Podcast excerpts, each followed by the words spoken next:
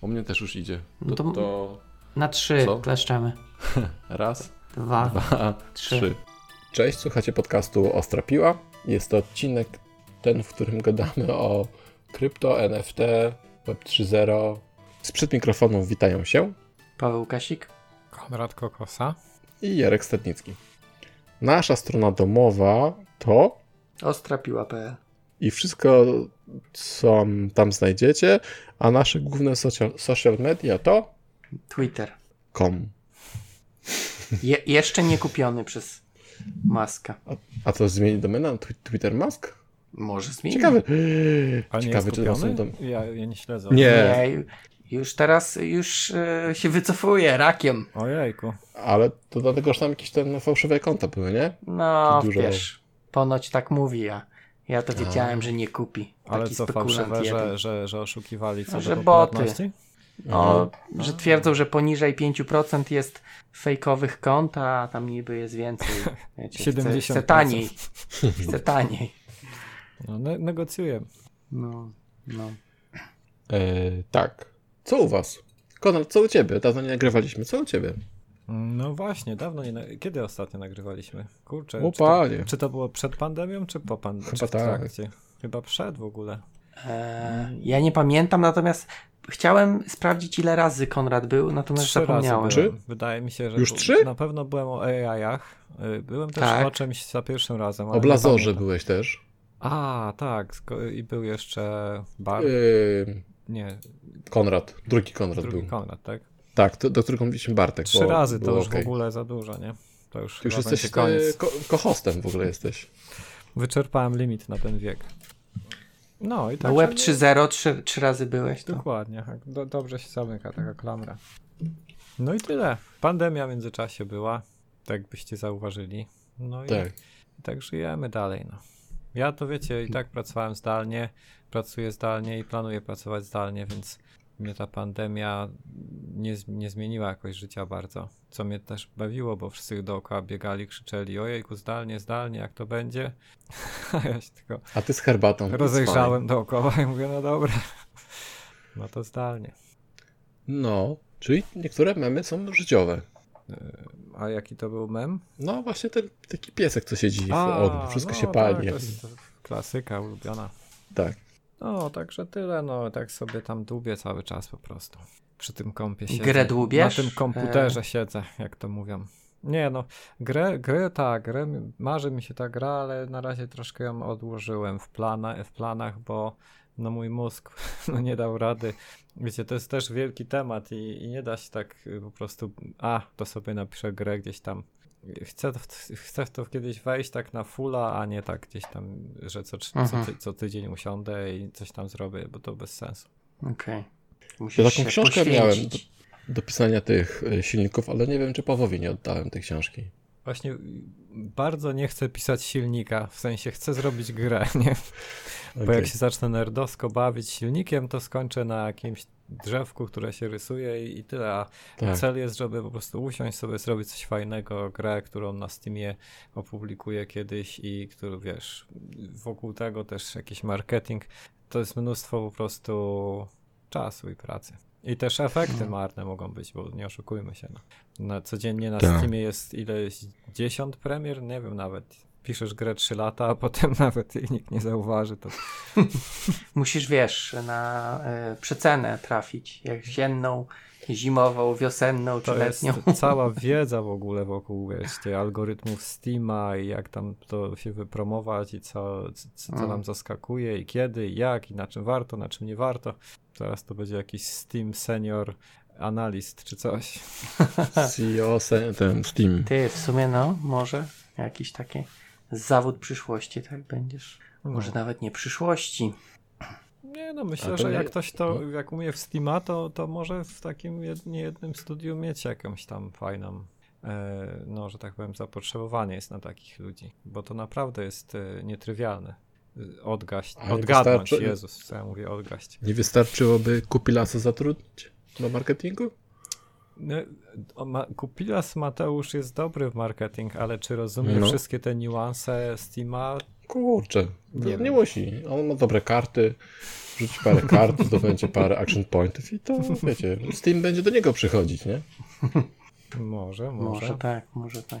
No, z tego co wiem, pisze na Steama chyba właśnie tą swoją karciankę. Tak, tak. Mhm.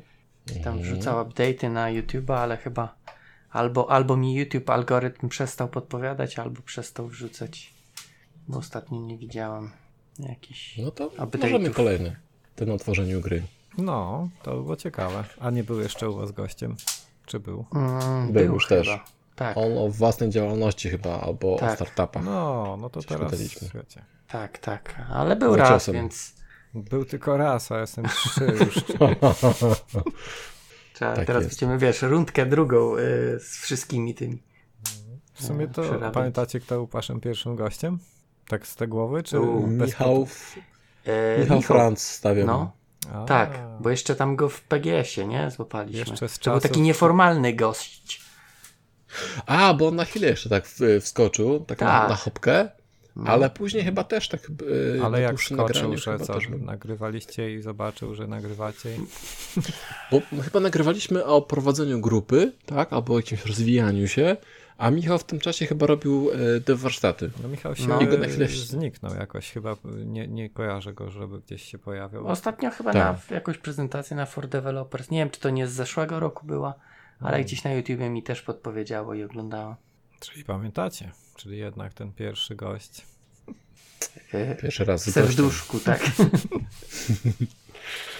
Pierwsza miłość nie rdzewieje, tak? No, ja pamiętam swoją Alfa Romeo. Ostatnio mi się pokazały zdjęcia, fajnie mi się jeździło. Żarła olej jak, jak benzynę, ale, ale fajnie się jeździło. A ten, a ten. A powiedz mi, Konrad, ile miałeś y, y, luny w portfelu? Ym, No na szczęście nie miałem akurat. Ani kopiejki? E, ani kopiejki. No to kopiejka też jakaś waluta, tak? e, Natomiast teraz mam 200 chyba, a to jest nic, bo e, ludzie mają po miliard, Aha, no. bo można już teraz kupić. Tak. Teraz za jakieś grosze, tak, można kupić. jesteśmy- Jesteśmy teraz w fajnym momencie, bo właśnie upadł ten system i, i w sumie taki dobry moment na rozmawianie o tych, o tych rzeczach. Gdzieś się tam do mainstreamu przebiła, bo za, zawsze jak coś bardzo rośnie albo bardzo pada, no to, to gdzieś tam powiedzą o tym. O, Tak, i teraz- nie? Rypnęli. No, jest to chyba naj, najlepszy upadek na razie ever. Naj, najbardziej spektakularny. No. Nie wiem, czy przeklinacie, czy nie, ale no, upadnięcie. Jak, jak, jak zaczniemy przeklinać, to oznaczymy explicit. A, e, gdzieś kiedyś słyszałem, że na YouTubie, aha, ale że YouTube'a i tak pewno nie targetujecie, więc no okej. Że, i co, ale, co, ale co z tym YouTube'em, że co? E, że jak przeklniesz w pierwszych chyba 10 czy tam iluś minutach, to bardzo ci spada ranking w promocji czy coś takiego, że, że, że po prostu... A, to Proszę myślę, cię. że, e, myślę, że niżej nie, Konrad. nie mogą. Nie, no jak? Tak, spoko, to nie tak. Trzy wyświetlenia. Eksperci od Luny mogą wam powiedzieć, czy może spać. Nie, no ale y, nie wiem, czy chcemy od tego zacząć, ale jestem ciekaw, bo co, co tam się stało z tą Luną, bo powiedzmy, no ja też nie jestem Wiesz w co, no, temacie, Luna ale no jest- widziałem śmieszne tweety, tak? O, No, tak, jebła. tak, nie była całkiem. E, No ogólnie z... Znaczy jest- to, że no jest- ale czemu? Wiesz co, po pierwsze to może wprowadzenie. Y, Luna było to jako ekosystem nazywało, nazywał się ten system, ekosystem Terra. No Mhm. i tam po prostu było sporo projektów i opierał się na dwóch walutach. E, stablecoinie tak zwanym y, UST, czyli coś, co powinno mieć wartość jednego dolara zawsze. E, czyli taka kryptowaluta, która ma wartość jednego dolara po prostu. E, I Luna, taka natywna kryptowaluta tego ekosystemu która była warta, no nie wiem, tam 90 dolarów powiedzmy, czy 100, jeszcze na Mhm. początku maja chyba. Teraz jest warta jedną setną centa, więc spadła chyba milionkrotnie, czy jakoś tak. Mógł- Wyzerowała się całkowicie, Mhm. e, a ten e, e, stablecoin, który ma kosztować dolara, kosztuje chyba 8 centów, czy coś takiego. Po prostu e, wszystko, wszystko się wyzerowało, tam nie wiem, kilkadziesiąt miliardów dolarów chyba ogólnie wyparowało. Co się stało? w sumie stało się to, że co było nawet trochę przewidywane, więc mm, akurat ten ekosystem był po prostu trochę piramidą finansową. E, I było Mm. tam e, takie mechanizm sprzężenia dodatniego, zwrotnego, że ludzie inwestowali, bo im obiecywano 20% rocznie e, zwrotu, ale te zwroty przy- tak naprawdę były finansowane przez ludzi, którzy przychodzą Mhm. i to tak Okej. dalej. No i jak coś się ma takie sprężenie dodatnie, to bardzo łatwo je rozprężyć i po prostu poszło zamiast w górę to w dół, bo mówi się, że to był atak spekulacyjny. Było jasne, że to jest. Kto miał wiedzieć, że to ma taką słabość, to wiedział i po prostu to zaatakowano. Zaczęło. Za, zaatakowano to bardzo dużym ruchem, zakupami i za, po, za, zaczęło iść w dół. A jak zaczęło iść w dół, to ludzie zaczęli panikować, więc zaczęło jeszcze bardziej iść w dół. E, Potem wszystkie te algorytmy, jakieś tam próby, akcje ratowania tego też nie pomogły i pewno ostatecznie jeszcze pogorszyły sytuację i w ostateczności no, cały kapitał po prostu wypłynął. No, kto zdążył, to, to wypłynął kiedy tam mógł, a, a teraz to spadło po prostu do śmiesznych Mhm. kwot. No. Więc tak To naprawdę nocy, ktoś nie? zaatakował tą piramidę, tak? Ciekawa w ogóle sytuacja, bo o tym było głośno, że to jest piramida i że to jest słabe i można nawet wygooglać artykuły jeszcze nawet z końca kwietnia, które mówi, mówią o tym, że to, jest, że to jest dosłownie słabość tego systemu i że, i że to się może stać. Mhm. No i się stało. A to nie było tak, że jakieś dwa właśnie fundusze zainwestowały? No, są i- takie i plotki, że tam dwa grube fundusze Tak. y, po prostu po, Zagrały. zagrały y, poważne fundusze ze Stanów, po prostu tej piaskownicy, gdzie się dzieci bawią, przyszły i po, po, powiedziały, że no, już, już się nie bawcie tutaj. Koniec zabawy. Okej. No ale No. ludzie stracili miliony z dolarów, myślę, no tam już nie mówiąc o projektach, zależy kto tam był zapakowany. No system był naprawdę popularny, w sensie, no wiecie, rosło, tak, więc ludzie wchodzili, nie zastanawiali się, inwestowali, a że ludzie nie inwestują rozsądnie, tylko pakują wszystkie torby i całe oszczędności w to, no to potem to, to, to potracili, tak? No i można zobaczyć jakieś smutne tweety od ludzi, że tam, jak ja matce powiem, że tutaj całe moje oszczędności straciłem. To jest tragikomiczne, tak? No bo czemu wsadziłeś całe oszczędności w taki system? No ale z drugiej strony, no komuś, ktoś tam cierpi z tego powodu też, tak? Więc to takie trudna sytuacja, no. No, Ale z drugiej strony są ludzie, którzy kupę zarobili hajsu. Rafał Zaorski w Polsce od stycznia atakował Lunę i, i, i grał na ten spadek i, i, mówi się, że zarobił tam, nie wiem, 40 ponad milionów dolarów na tym. Kurde! E, no bo po prostu zajął krótkie pozycje i, i, tylko, tylko czekał i, i- w końcu mu się udało, tak. Mhm.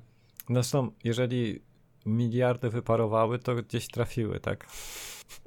Taki sm- smutny, dziki rynek kapitalistyczny. No tak, tak, komuś maleje, komuś rośnie. To.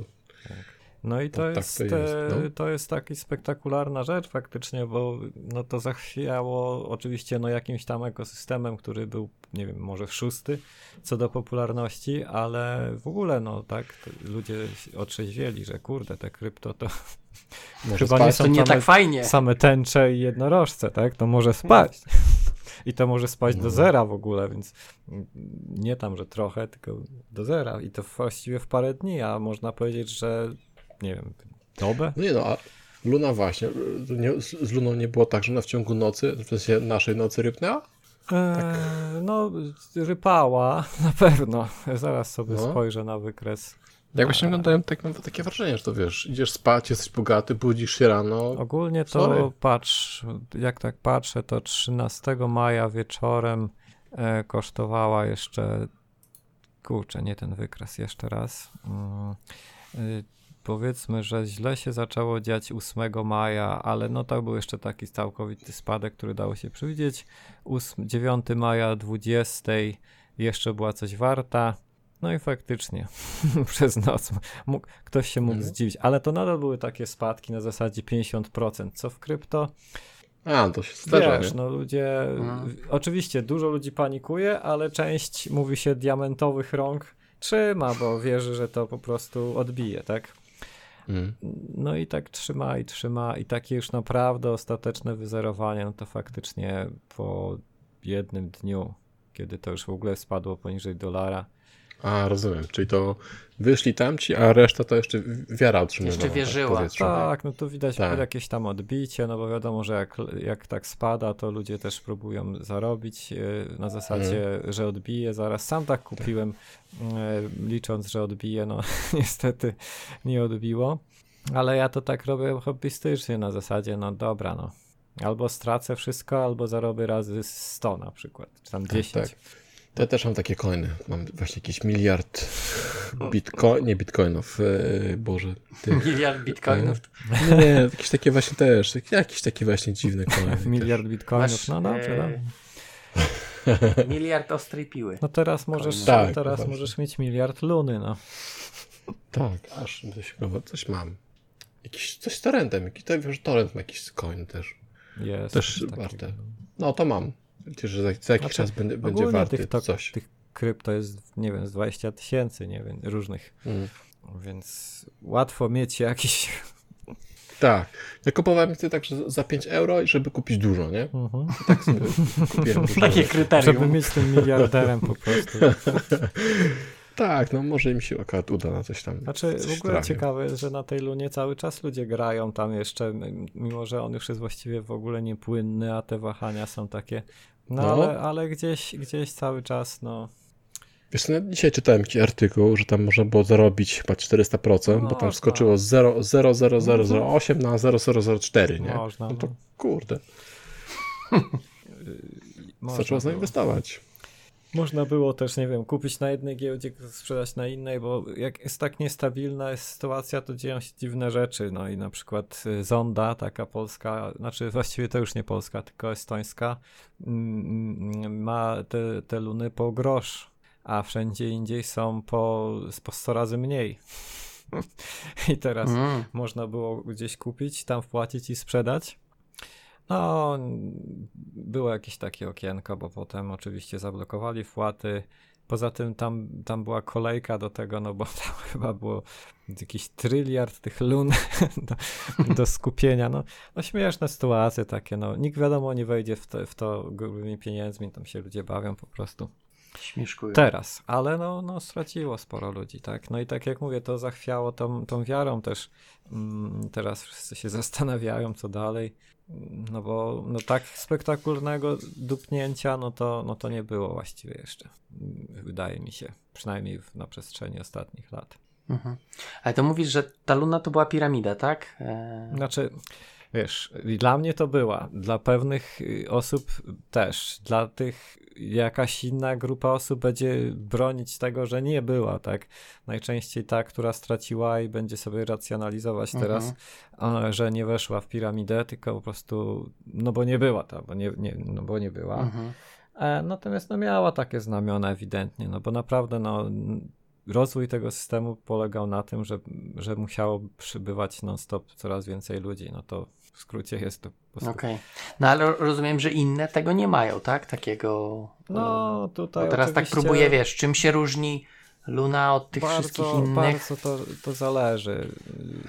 Każdy wymyśla swoją ekonomię właściwie tych, tych tokenów, tak? I na przykład, no nie wiem, Bitcoin, Ethereum, no, no nie ma takich znamion, ale Mhm. są inne tokeny, które już w kolejce czekają, Ale które... Poczekaj, no poczekaj, bo, bo Bitcoin ma mieć jakąś wy, wartość wymienną, tak? E, Wy, wymierną powinien mieć. W sumie. Czysto Tak spekulacyjną, tak? Tyle, ile chcesz, to, to Okej. w sensie on nie, nie reprezentuje zas- żadnej użyteczności, No właśnie, jest uniwersalny. Tak? tak, tak jak pieniądz właściwie też. Tak, Kiedyś miał pokrycie w złocie, a teraz już, już nie jest, tylko obietnicą. tak. Rozumiem, że z Luną, nie z Luną, z tym innym, chociaż nie. Bo w Lunie że była piramida, czyli więcej, więcej, a te inne coiny, na przykład Bitcoin ma tą wartość taką spekulacyjną chociaż, tak? Tak. Wiemy, że to nie ma, po prostu wydaje nam się, że będzie wart jeszcze więcej, tak? Czyli będą chcieli co drożej, Mhm. a inne mają wartość, bo mówisz jeszcze, powiedziałeś, że każdy ma swoją, Ekonomię. Ekonomię. o właśnie, ekonomię i co to, jak to rozumieć? No, na przykład ustalasz sobie, czy ona jest. No bo do czego to się sprowadza, że emitujesz własny pieniądz, tak? Nazywasz go sobie jakoś naz- cebulion. Myślę, że może O. być dobrą nazwą dla nas. Śmiało. tak? Okej. No i teraz sobie ustalasz, jaka jest, y, jaka jest y, produkcja cebulionów, bo w gruncie rzeczy do tego się sprowadza to, że masz walutę. Czy na przykład y, jest to deflacyjna waluta, czy inflacyjna? Na zasadzie, czy, czy dba, zrobisz taki system, że będzie spadać liczba cebulionów w czasie? No to jest deflacyjna typowa waluta, która wiadomo, że będzie sprzyjać y, jakiemuś inwestywa, inwesty, inwestowaniu, bo to będzie taki store of value, no bo powiedzmy, że ten cebulion coś tam będzie dla ludzi znaczył, no to jak będzie go ubywać, mhm. to będzie drożeć, tak? Mhm. Ale znowu, jakbyś chciał zrobić taką normalniejszą, użyteczną, to pewno inflacyjność by się przydała, no bo wtedy to ożywia tak jakby obieg pieniądza, można pożyczać, można tam robić taki typowy system ekonomiczny dzięki temu, tak? Mo mhm. Albo możesz sobie ustalić, że jest stała wartość. No i, no i to jest jakaś pierwsza, pierwsza rzecz. Możesz sobie też robić pary, tak jak w, w Terze to był, to te, ten ekosystem polegał właśnie na tym, że jest ta para, tak, stabilny niby mm, UST, warty dolara i ta Luna, która miała tam pomagać y, po prostu tą, tą, tą stałą wartość utrzymywać i przy okazji można było też spekulować na tym. Mhm. Y, więc to, w ogóle to jest mega, wydaje mi się, wiecie, fascynujące na zasadzie, ja nie jestem ekonomistą, ale pewno jakbym był i teraz studiował, no to myślę, że się można fajnie wkręcić w jakiś fajny temat magisterki czy, czy czegoś, bo to jest y, taki na sterydach ekonomia, tak? No nikt, wiadomo, że zawsze o systemach monetarnych się dyskutowało, ale teraz możesz sobie sam zrobić, poustawiać no tak. jakieś parametry i, i, i zobaczyć, jak to działa. Taka gra w życie. Tak. Nie? Tylko, że z hajsem. No, nowe no. waluty nie powstają za często. No, mamy właściwie tyle walut, ile krajów i, i tyle. No a tutaj nagle możesz sobie wymyśleć coś innego, tak? Mhm. E, więc yy, no właśnie. To jest no dobra, czyli robimy cebulion, no i potem co? No i ten cebulion jest tyle Wystawiamy warty, na jakąś... ile, ile hmm. rynek go wyceni. Na przykład Dogecoin sławny jest warty tylko tyle, ile jest, bo czasem o nim tweetnie Musk i wtedy dzida jest i, i można zarobić na sprzedaży, a, a, a i dlatego on jest w jakimś obiegu. Typowy memowy token, który nie ma żadnej absolutnie wartości, poza tym, że mhm. liczysz, że on kiedyś zrośnie.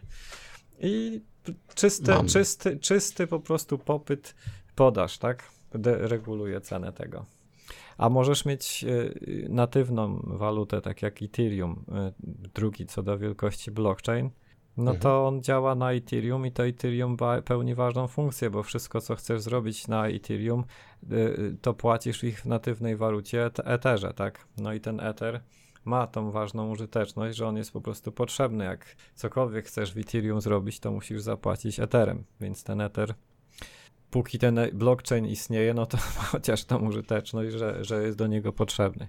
Aha, czyli takie, to nie jest takie trochę kółko, które się napędza? No jest. I teraz na przykład są zmiany, które gdzieś tam e, w Ethereum e, no też mają nadać mu trochę deflacyjny charakter, albo przynajmniej, mm. żeby czasem e, on stawał się deflacyjny, no bo to mu będzie sprzyjać jako przy okazji inwest...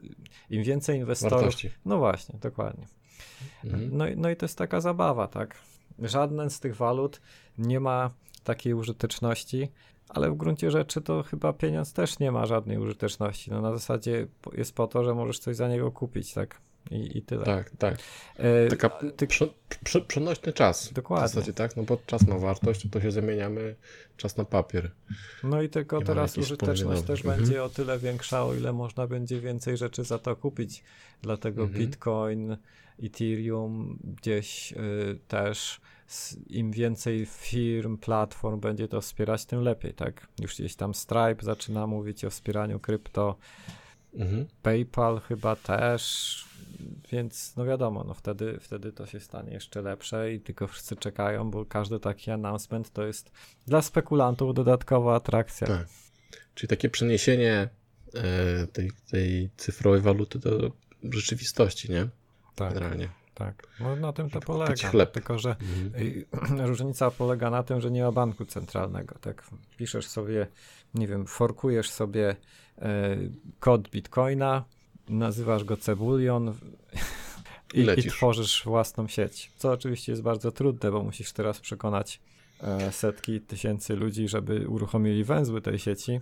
Więc najczęściej to e, po prostu się robi walutę jako token w ramach jakiejś innej, innego blockchaina, tak? Bo, bo tutaj trzeba też rozróżnić, że są blockchainy, e, Mhm. które mają Mhm. swoje natywne waluty, więc na przykład Bitcoin, no nazywa się Bitcoin i jego natywną walutą jest Bitcoin, ale jak Mhm. jest Ethereum, no to jego natywną walutą jest Ether, ale możesz sobie tam zakodzić tokena Cebuliona i ten Cebulion Mhm. stanie się częścią Etheru, Et- Ethereum jako po prostu blockchaina i ludzie będą Mhm. mogli te Cebuliony tam mieć, transferować i tak dalej. To jest najprostsze rozwiązanie. A będzie napędzane Etherem, tak? No będzie, y, na przykład jak będziesz chciał przelać mi cebuliony, to będziesz musiał zapłacić Etherem. Mhm. Mm. Czyli nie mogę jakbyś miał- cebulionami płacić za cebulion. Nie możesz, musiałbyś stworzyć swój cebulionowy blockchain. Okej, okej. Cebulę. Czyli to jest tak jakby, wracając do programowania, to wszystko, to ten Cebulion, Ethereum i inne rzeczy, to jest .NET, VBNet i tak dalej, ale wszystko działa na, działa na .NETie. Można tak powiedzieć. I płacisz IL-em. Lubię tę nerdowską metaforę. Okej, okej. No właśnie. Dobrze. A powiedz mi jeszcze, a czy wiesz jak? To takie pytanie trochę podchwytliwe, ale e, czekać, moja córa to coś no leci. Bo teraz mówisz tak, trzeba mieć to e- Ethereum, tak, czyli nalać tego paliwa, o. E, trzeba tą cebulina wymyślić, ale jeszcze powiedz mi, jak, znaczy okej, być, może, być może już wiesz, ale jak teraz zamienić prawdziwe dolary na cebuliony? Musisz, musisz przekonać? Mhm. Pawła, że cebulion jest, będzie rósł i musisz e, mu, jego, mu go sprzedać po prostu, tak? Więc musi swoje dolary przynieść w system. E, I teraz e, do tego służą najczęściej giełdy, tak jakieś, mm, mm, gdzie po prostu płacisz y, fiatami, czyli nie wiem, tam dolarami, złotówkami, Mhm. dostajesz swoje cebuliony. Ale ten cebulion się pojawi na tej giełdzie, czy trzeba go jakoś E, zgłosić? No Jak i to trzeba się... zgłosić, ten, ponieważ jest 20 tysięcy tych walut, to te giełdy oczywiście e, nie są takie skore, żeby dodawać. Tych giełd Mhm. też są dziesiątki, więc wiadomo, takie naprawdę dobre, poszanowane giełdy dodają tylko te najlepsze, powiedzmy najpopularniejsze tokeny, ale jakieś tam szara strefa jakichś dzikich giełd pewno chętniej zaakceptuje cebuliony, tak? Zresztą Okej. często tak jest, że jak powstaje jakiś nowy projekt i chciałbyś naprawdę kupić ten token ich, no to, no to właśnie musisz iść na jakąś tam taką giełdę, powiedzmy drugiej kategorii, która po prostu chętniej zaakceptowała, że możesz sobie te cebuliony tam kupić. Porządny kosk, ja tu mięso mam, taki od lady musisz tokeny dostać. A coś chciałem, czyli żeby to wprowadzić mniej więcej, to trzeba by go przekonać, że usługa, którą mam, albo produkt, tak, który, na którym jemu zależy, O, o, poza, spe- poza spekulacją i poza piramidą, a, tak okej. naprawdę. To nie da się. Po, tak? no właśnie. Ale że to jest dostępne tylko przy, żeby, przy osiągnięciu tych właśnie cebulionów, nie? Czy na przykład to wiemy, no? Znaczy, no tak, y, i tutaj już zaczynamy faktycznie wchodzić w Web3, tak? Bo jeżeli chodzi o spekulacje, no to to jest, są po prostu kryptowaluty. Mogę sobie zrobić A, no prostu, cebuliona, czy Dogecoina i, i, i go zacząć sprzedawać. Ale jeżeli chcę coś udostępniać ludziom za te cebuliony, no to faktycznie zrobię apkę, która będzie na przykład na Ethereum działać i, i coś, coś robić, tak? Mhm. Na razie to jeszcze takich apek za dużo nie ma, no ale to sobie można dowolną wodze fantazji popuścić i można powiedzieć, że za cebuliony można mieć na przykład, nie wiem, u- udział w waszym podcaście, gdybyście mieli jakieś Mhm. dochody, a nie wiem, czy macie. Dzięki. Tu już taka Mieliśmy. potwarz.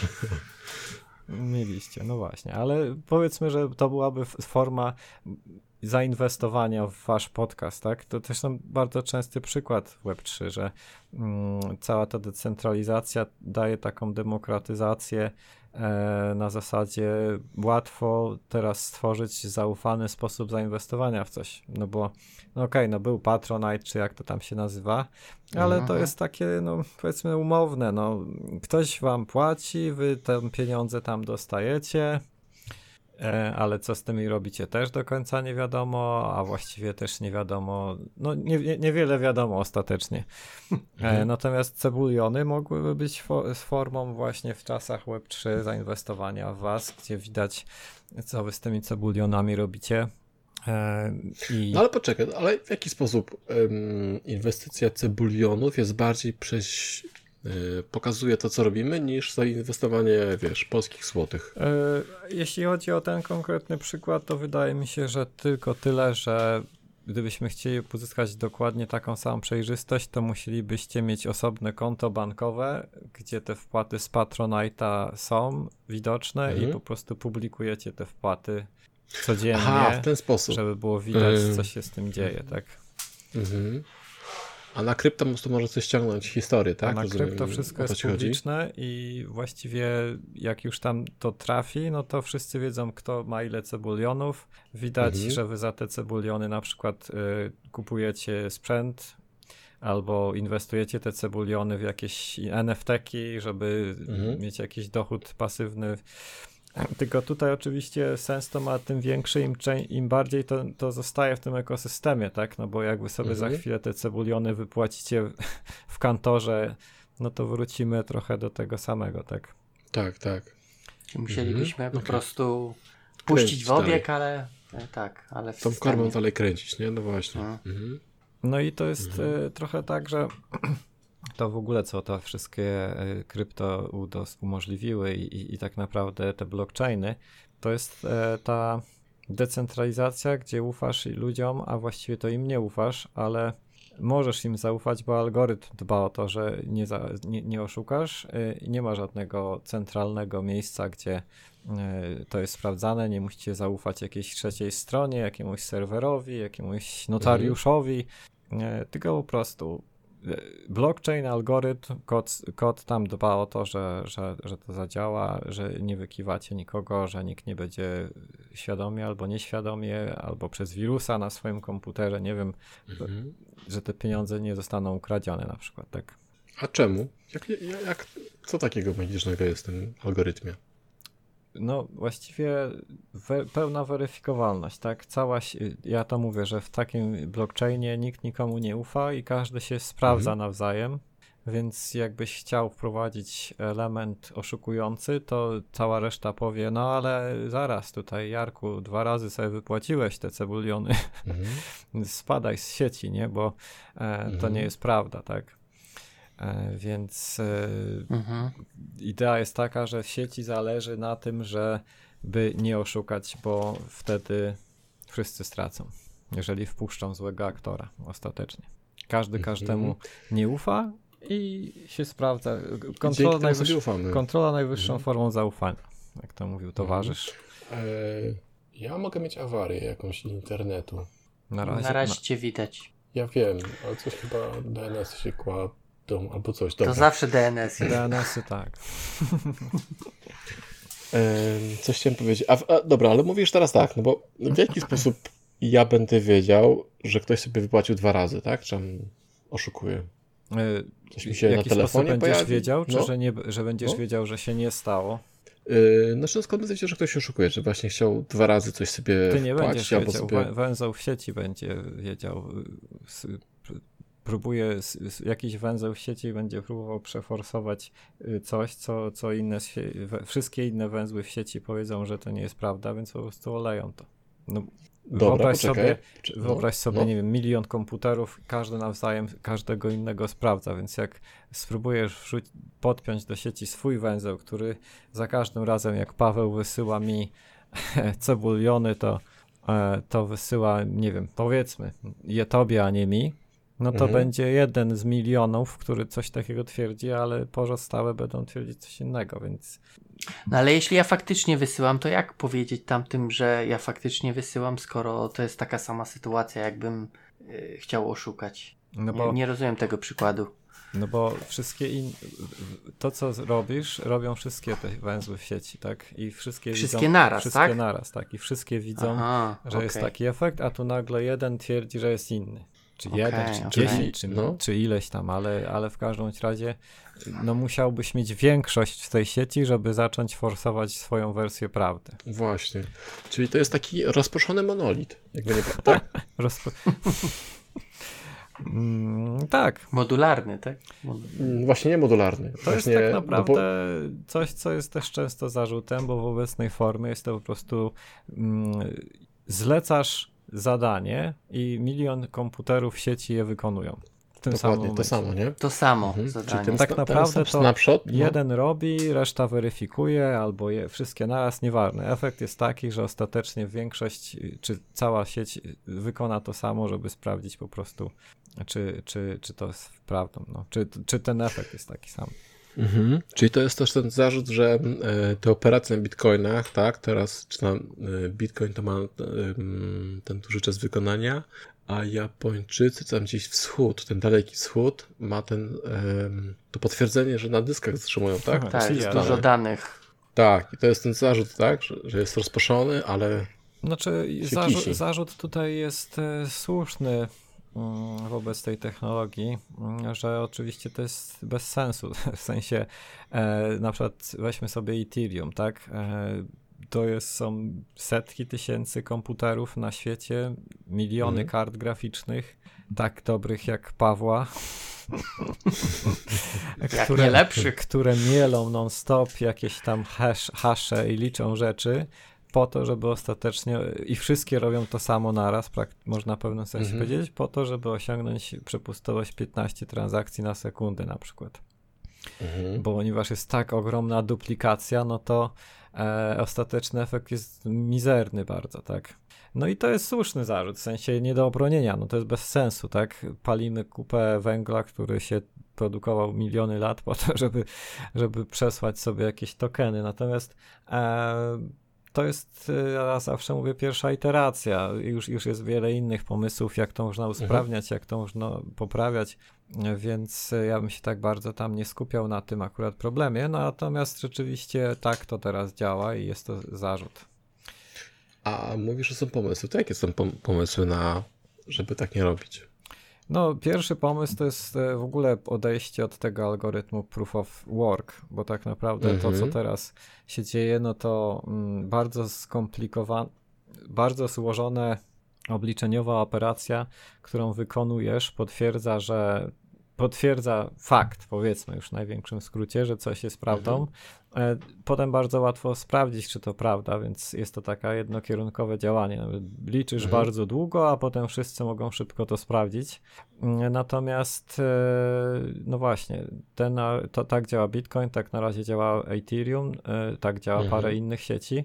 Natomiast są in, pomysły do na przykład przejście do proof of stake, gdzie Mhm. Mm, tak naprawdę całkowicie inaczej to działa, ponieważ dowód nie polega na tym, że wykonujesz tą pracę, tylko mm, na tym, że ty jako ty potwierdzasz, że to jest prawda, zastawiając w pewnym sensie swój, swoje, swoje pieniądze. Czyli taki walidator, powiedzmy, nie wiem, wsadza w żeby to już powiedzieć w walutach, nie wiem, 40 tysięcy dolarów, albo 100, albo milion, nieważne, ustalamy sobie jakiś próg i takich walidatorów jest tam ileś w sieci i one co jaki, każdy z nich co jakiś czas potwierdza. No i teraz, jeżeli będziesz chciał być złym walidatorem i zacząć potwierdzać nieprawdę, to cię skupną po prostu z tego depozytu, e, który złożyłeś. E, no i tyle, tak? Więc ci się nie opłaca, bo po prostu oskubią cię z twojego dosyć znacznego wkładu w ten system. No i to na przykład Chyba, jest... że więcej zarobisz na tym oszukiwaniu. Tak, no oczywiście są, są, są, są y, też w tych algorytmach ryzyka. Mm, y, Ogólnie idea jest taka, żeby tak to zaprojektować, żeby się, nie, żeby się to nie spinało mimo wszystko. W sensie Mhm. musiałbyś tak dużo włożyć, że ci, raczej nie zdążyłbyś zarobić na takim ataku. E, To raz. Dwa, no to poprawia znacznie sytuację, bo absolutnie pozbywamy się tego liczenia, tak? Po prostu jest sobie węzeł, który co jakiś czas coś potwierdza i dosłownie o wiele rzędów wielkości spada y, zużycie energii, tak? I, Mhm. i A czemu, czemu ktoś miałby taki węzeł stawiać? Bo dostajesz za to oczywiście od działkę, za, za to, że A, no, no właśnie. Tej części mi zabrakło. Tak, tak. No i już jest bardzo Mhm. dużo ludzi, e, którzy to robią, bo zbliża się wielki, wielki, wielki krok w Ethereum, że, że on przejdzie z tego proof of work, Tak. e, który miele te karty, przez które ja nie mogę sobie kupić, bo są za, drugie, za drogie. Mhm. I, Mhm. i, i, I ma wejść e, w tym roku chyba w końcu ten proof of stake. Mhm. E, Ale ju- już, już ludzie tam zajęli pozycję, już testowo tam to równolegle działa i jest mnóstwo pieniędzy w to włożonych e, i, i czekają, żeby móc te pieniądze Mhm. zacząć zarabiać. Więc Aha, na tych walidatorach, tak? tak, tak, tak, tak. Mhm. No i wiecie, no i to jest pierwszy. To proof of work jest bardzo prostą koncepcją, która sprawiła, że to zadziałało. Jak ktoś się z Mhm. tego śmieje, to ja mówię, można się też śmiać z E- Zeniaka, z, który ważył tam te dwie tony. Mhm. Od czegoś trzeba zacząć, tak? Mm, Tak. Proof of stake, ten, który teraz wejdzie, też na pewno będzie miał jakieś słabości. Na bank będzie jakiś exploit i, i znowu się jaki, coś tam gdzieś wyzeruje, bo ktoś znajdzie jakąś Ktoś lukę. Ale no to będzie Proof of Stake 2.0, 3.0, TLS-y też Mhm. przechodziły przecież y, w, Mhm. jakieś tam ewolucje. No po prostu bardziej, bardziej chodzi tutaj o to, o co, co to daje, niż e, jak to tam akurat działa. Tak to ja od, odbieram osobiście. Mhm. Mhm. Czekaj, bo ja miałem taką jeszcze myśl, bo... E, dobra, a, e, a są jakieś takie, wiesz, takie mm, tacy lemowie e, kryptowaluty, którzy mówią, a trójka to będzie już działała tak, nie? Tu mamy ten proof of stake, a kolejny punkt to będzie, nie wiem... Tacy wizjonerzy. Tak, tak, bo y, Mhm. pytam, bo jednocześnie też ktoś gdzieś widziałem, że jak wejdą te, boże, komputery kwantowe, Mhm. to w ogóle to, to całe to krypto pójdzie w piach, nie? Bo to rozpykają, bo, bo to co powiedziałeś, tak? Jak mam jeden komputer, który mówi tak, a tysiąc mówi nie, to wejdzie kwantum, który nagle tak, no, albo milion, mi- milion, milion Chińczyków, tak? komputery.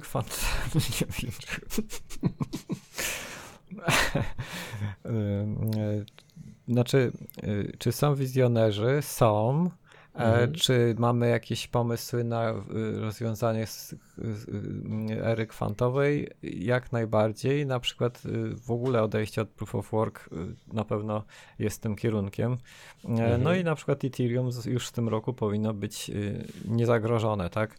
Bitcoin jest tu pełnym wyzwaniem, bo on jest, no po prostu jest. Y, I on jest proof of work i nie, i nie wiem, czy w ogóle są jakiekolwiek plany, cokolwiek zrobienia z tym. Mhm. I, muszę przyznać, że nie przyglądałem się, bo nie jestem jakimś wielkim fanem Bitcoina. Może mają jakiś tam pomysł, może nie mają. mm, Mhm. Co z tym zrobić? Na razie pewno jest założenie, że zanim komputery kwantowe osiągną, wiecie, taką moc, że to coś się da z tym zrobić, to, to, to, wnuk, to wnukowie tych wizjonerów się niech martwią, a Okej. a nie, a nie ci obecni. E, natomiast wizjonerzy, no na pewno gdzieś są. No, jedną z takich osób, do których takich wizjonerów przynajmniej chciałby się nim, nim jako, jako taki wizjoner widzieć, jest twórca Ethereum całego, czyli e, Vitalik Buterin, który no tutaj... Taki strasznie chudy gościu, Tak, tak, tak, go widziałem. Kanadyjczyko-Rosjanin. Mhm. polityczne takie tutaj. E, No i no, w ogóle jeśli chodzi o Ethereum jest roadmapa, która myślę wystarczyłaby na co najmniej najbliższe kilkanaście lat. Ile, ile tam mają pomysłów, co tam można jeszcze usprawnić. No właśnie, a No właśnie, Y, no. To jest... no bo teraz tak, wymyśliłeś pieniądz, tak? To jest jakaś tam forma pieniędzy. O. Co można w tym pieniądzu usprawniać W jeszcze? samym pieniądzu nie. Jeśli chodzi o Vitalika i w ogóle Ethereum, to chodzi o usprawnienie techniczne tego. Tak, właśnie proof of stake, dotarcie tego, Mhm. zabezpieczenie przed wszelkimi atakami, e, formy lepszej synchronizacji, e, przechowywania stanu. e, Tego na przykład, żeby klient mógł działać właściwie bez stanu, bo teraz jakbyś chciał mieć węzeł, który jest częścią Mhm. Ethereum, no to musisz sobie odpalić go na dobrym kompie, najlepiej takim jak Pawła. Okej, okay, mów, mów, może odpalę. Mieć tam 8-16 giga RAMu, co najmniej z kilkadziesiąt giga e, e, na dysku. No i co najważniejsze, mhm. synchronizacja z, tym, z tą siecią będzie trwała parę godzin co najmniej, albo dni, w zależności od tam formy. Żeby to repo ściągnąć, a teraz tak? tak, a teraz jest pomysł statelessowych takich klientów, że właściwie nawet na telefonie będzie mógł taki węzeł być częścią tego, bo będzie miał na przykład całkiem inaczej trzymany stan i będzie potrafił wiele rzeczy zrobić bez tego, więc e, na, na takim bardzo technicznym poziomie, na zasadzie wyższa warstwa będzie identyczna, nadal będziemy sobie mhm. mieli Ethereum, które będzie można przelewać i będą smart kontrakty, tylko żeby po prostu to śmigało e, wydajniej i bardziej elastyczny sposób. Mhm. Na, na tym polu tutaj jest. I w ogóle to jest mhm. mega, mega nerdowski temat. Na zasadzie bardzo dużo doktoratów, bardzo dużo fajnych matma, czysta matma tak naprawdę często. Mhm.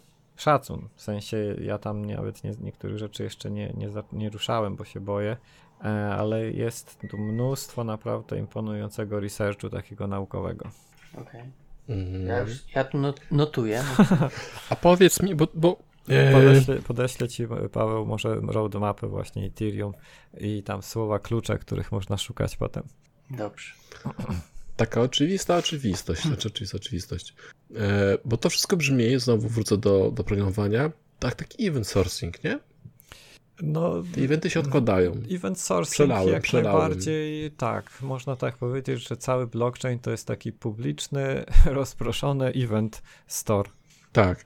To ja muszę zadać to pytanie, wybaczcie mi. To czemu nie, czemu nie korzystamy z tych snapshotów, żeby to wszystko było szyb, szybsze? Znaczy, mm, snapshot jako stan pamięci istnieje w węźle jak najbardziej. E, no. Tak samo jak istnieją mechanizmy, żeby węzły sobie odpytywały o ten stan w sposób e, lepszy. To, to istnieje, jest cały czas usprawniane. E, natomiast nie, na przykład nie wszystkie węzły jeszcze wspierają wszystkie te protokoły i tak dalej, no bo to mówimy, mhm. wiecie, no to Ethereum istnieje ileś tam lat, ale tak naprawdę jego popularność pewno taka użytkowa to jest rok czy dwa. Także to się dużo, mhm. dużo rzeczy po prostu dzieje nadal. A pewnie jak Bitcoin strzelił, to e, Ethereum poszło za nim, nie? Tak, tak. Taka tam Właściwie pochodna. I inwestycyjnie patrząc, to wystarczy patrzeć na cenę bitcoina i wiesz, jak się zachowa Ethereum. Taka pochodna. tak. Mhm. Natomiast, okay, tak okay. jak powiedziałem, ja no. nie jestem jakimś fanem bitcoina, bo znaczy okej, okay, no store value, może jakieś tam cyfrowe złoto się mówi, póki, tak. póki nie zostanie przez jakąś panikę wyzerowane, może, nie wiem, Natomiast Ethereum mm. jako platforma po prostu coś umożliwia, tak? Mm, bo Bitcoin to jest po prostu, jest Bitcoin i możesz go przelewać, tak? I cała, cała mm -hmm. technologia się do tego sprowadza.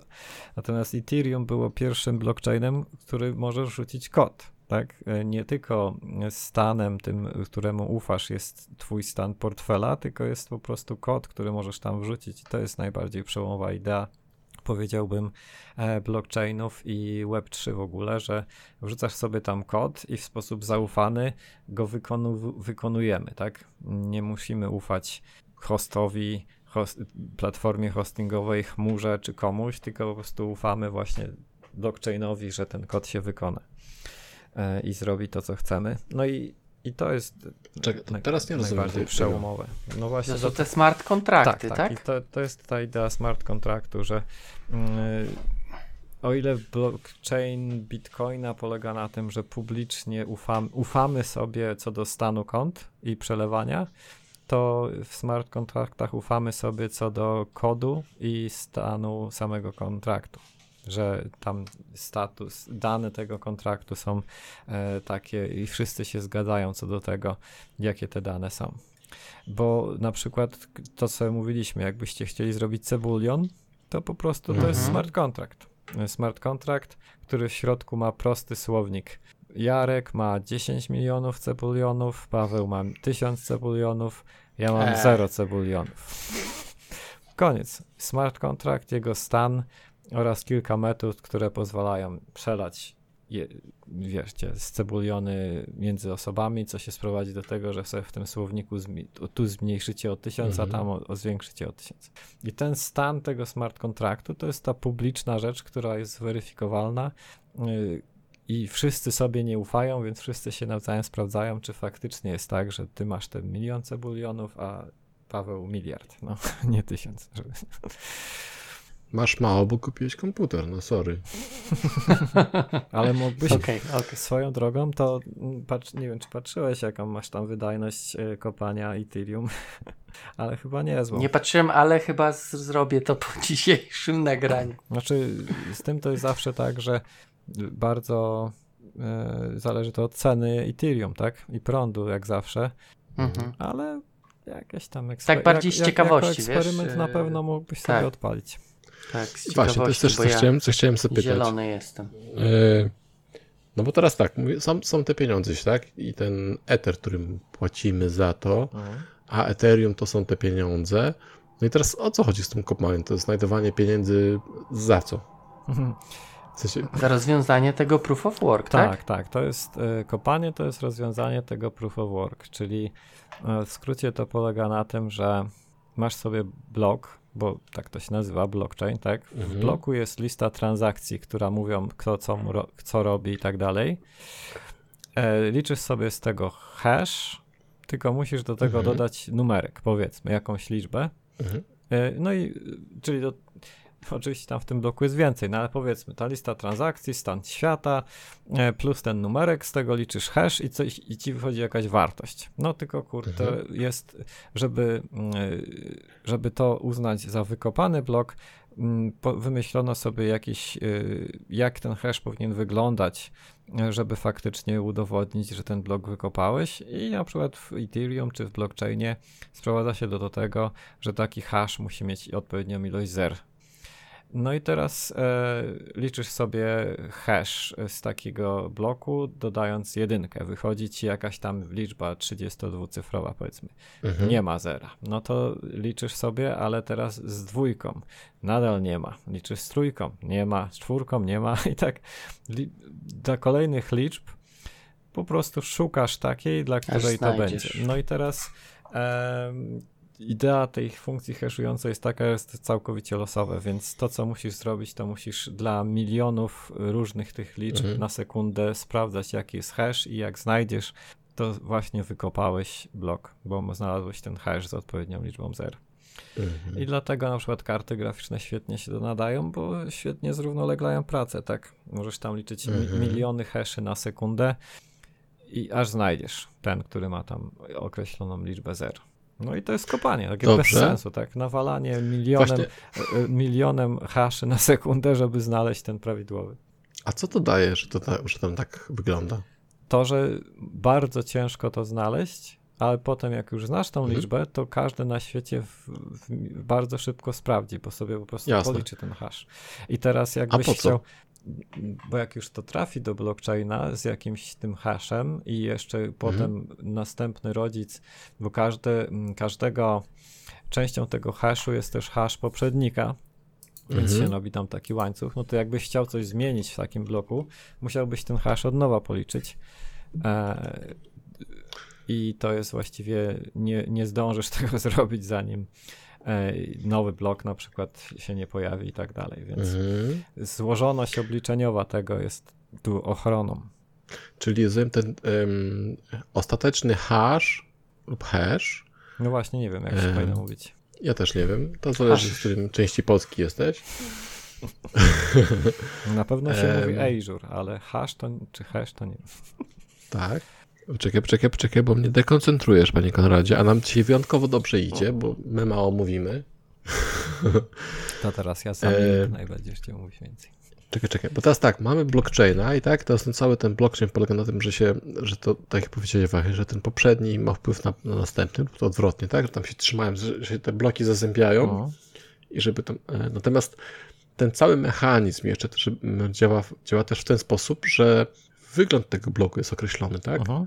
i dzięki temu one się mogą tak z, też z, zazębić, jak rozumiem. Tak. Czy to jest osobny mechanizm? To jest, wszystko, wszystko jest połączone. W zasadzie, y, jak sobie liczysz hash z bloku, to tam jest lista transakcji, hash stanu świata, czyli masz takie Mhm. ogromne drzewo, które trzyma informacje o wszystkim i na górze jest hash tego drzewa, więc Mhm. jakbyś chciał na przykład zmienić liczbę cebulionów y, swoją, no to się zmieni ten hash y, tego drzewa, co Jasne. za tym idzie, zmieni się hash całego bloku.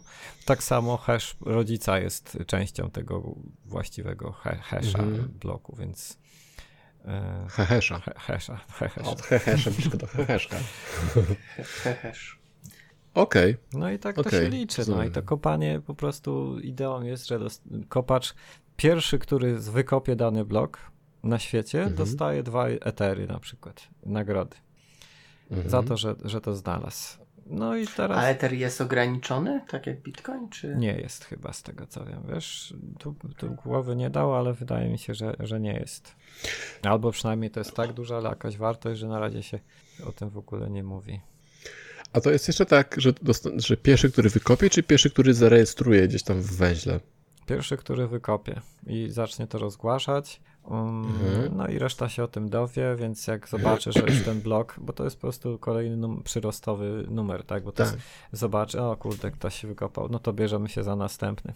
I to jest taki Mhm. nieustanny Jakiś wyścig. race condition to raczej... Oczywiście, mogą zajść. Może się pojawić tak zwany fork, czyli nie wiem, węzeł w Chinach wykopie blok i węzeł w Stanach wykopie No blok, ale ponieważ to się propaguje, a ta trudność pełni też tą ważną funkcję, że i jak się ustali pewien próg, a pró- tą trudność tak naprawdę to wybieramy poziomem, ilością tych zer, które chcesz znaleźć, bo im więcej zer z przodu, tym trudniej, sprawia, że ten blok się pojawia powiedzmy co tam, nie wiem, 10-15 sekund, co ileś tam sekund, dzięki czemu sieć zdąży Mhm. się poinformować nawzajem, więc ta trudność ma też A, taką funkcję, żeby to zdążyło ze sobą pogadać.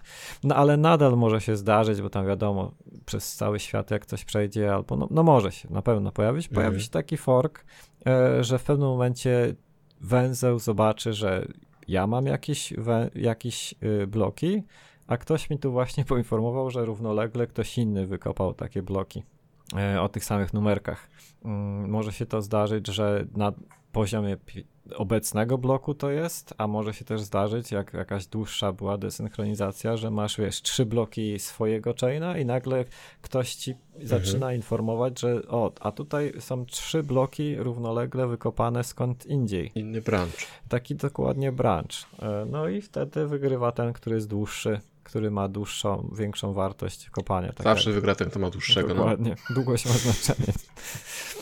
I koniec. E, I wtedy tamten musi niestety się dostosować. I ta informacja, że ten dłuższy wygrał, się rozpropaguje po całej sieci i po jakimś czasie to uzgodnią ostatecznie, jak to wygląda.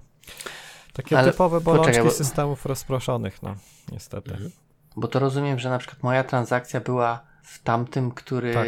przegrał, tak? Tamta transakcja, że jak przelałeś na przykład Jarkowi milion No, cebulionów, się unieważni. Ale faktyczna. się nie- unieważni. W sensie Aha, Potem- czyli mu nie przelałem po, wtedy. po tej synchronizacji tego brancha zwrócicie do stanu w kąt, tak jakby się ta transakcja nie Aha, odbyła. no tak, no bo stan jest. Okej, czyli, czyli co, ja muszę monitorować, czy moje pieniądze faktycznie przeszły Tak, do Jarka i, I tak ewentualnie naprawdę- po, ponawiać. tak, tak naprawdę to jak ci na czymś zależy, to powinieneś się upewnić, że ten blok, w którym to, tą transakcję zrobiłeś, to, że on został tam zaklepany przez ileś bloków następnych. E, No bo Mhm. wiesz, im więcej Że bloków jeszcze nikt go nie wycofa. Tak, im więcej bloków Okej. nastąpiło, tym jest większa pewność, że no już ten fork nie wystąpi. Chyba Mhm, nigdy w historii nie zdarzyło się rozgałęzienie dłuższe niż 7 bloków, czy mniej nawet, wow. więc e, tak się mówi. Jak ci bardzo zależy, to czekaj 7 bloków, aż na przykład. Oczywiście, jeżeli to jest czysto w krypto, to nieważne, bo to jeszcze po prostu zrobisz raz, tak? Najgorzej, jeżeli to łączysz z jakimś fizycznym, na przykład, nie wiem, książkę czy dom kupujesz w ten sposób, tak? I tu Pizzę. przekażesz akt własności, a tu nagle transakcja ci rollbackuje, więc Mhm. Okej, trzeba rozumiem. to o tym pamiętać. Okej. Dobra. Y, masz coś, Jarek? Bo ja jeszcze chciałem zapytać Dawaj. o. Okej. Y, o tych smart kontraktach jeszcze. Mhm. Bo to rozumiem, na blockchainie jest kod Mhm. Plus stan, tak? Mhm. Czy jakiś tam JSON taki jest w tym blockchainie trzymany? Czy, czy jak to wygląda? No bo kod, rozumiem, jest kod źródłowy i, wiesz co, i on wszystko, jest wykonywany? wszystko to działa na maszynie. e, Będę mówił o Ethereum, bo większość tych No, może być. tak no. samo tam działa w sumie. E, wykonuje to wszystko maszyna wirtualna. Ethereum, Ethereum Virtual Machine, e, więc tak naprawdę bardzo to przypomina IELA pod spodem. E, i piszesz sobie w jakimś tam języku, który się do tego kompiluje i taki każdy węzeł w sieci jest w stanie wykonać taki program. E, No, czyli te, te transakcje, które tam wrzucasz, tak naprawdę najczęściej polegają na wywołaniu jakiegoś smart kontraktu. E, Mówisz, że smart kontrakt tutaj jest i chcesz go wywołać z takimi parametrami, no i teraz ta maszyna wirtualna y, po prostu w trakcie weryfikacji tego bloku, tam wykonywania tego bloku, wykona ten program. E, No i teraz e, po, z punktu widzenia węzła, no to jest po prostu wykonanie tego programu na tej maszynie wirtualnej, tak? Jak to tam jest zrobione, to pod spodem to już nieważne. Mhm. No i jest ten stan, który jest po prostu częścią też blockchaina tak naprawdę, obok tak jakby trochę, więc mm, y, Okej. jest, y, k- tak jak mówię, jak, jakbyśmy sobie mieli wyobrazić stan świata blockchaina, to to jest wielkie drzewo, w którego węzłami są adresy, czyli takie unikalne byty. Na przykład ty miałbyś adres swój, jakbyś chciał kopać Ethereum, to byś sobie założył, miałbyś swój adres, tak? E, Mhm. w takim przypadku stan takiego, takiego adresu to jest po prostu ile masz eteru i tyle. Natomiast jak zrobisz smart contract, to dodatkowo jeszcze w, y, stanem takiego, węzł, takiego adresu będzie właśnie jeszcze być może jakieś drzewo, w którym ten stan jest trzymany. No i teraz Okej. Ostatecznie, jakbyś sobie miał zwizualizować taki mm, blockchain, to jest to bardzo duże drzewo, w którym trzymasz stan z, wallet, z tych, tych adresów i, i stan smart kontraktów. To sobie w pamięci siedzi. Jakbyś chciał teraz sobie to odtworzyć, no to musisz zacząć od pierwszego bloku ever i blok po bloku mieleć, mieleć, wykonywać, wykonywać. No, okej, Aż czyli ten event ci- sourcing, Czyli tak? czysta forma event sourcingu, dokładnie. Okej, Żeby okej. tego nie robić, no to powstały różne formy lepsze synchronizacji, gdzie może węzeł, który wstaje, zapytywać inne węzły o właśnie takie powiedzmy snapshoty, żeby no nie musieć od początku tego robić, chociaż w takim trybie też to można zrobić, e, tylko że to będzie tygodniami trwało prawdopodobnie. Mhm. Nie wiem, To czy... jak ściąganie tego przez y, emulę Dokładnie. 15 lat temu. Dokładnie tak. No, i, no i tyle. No i teraz cała. Okej.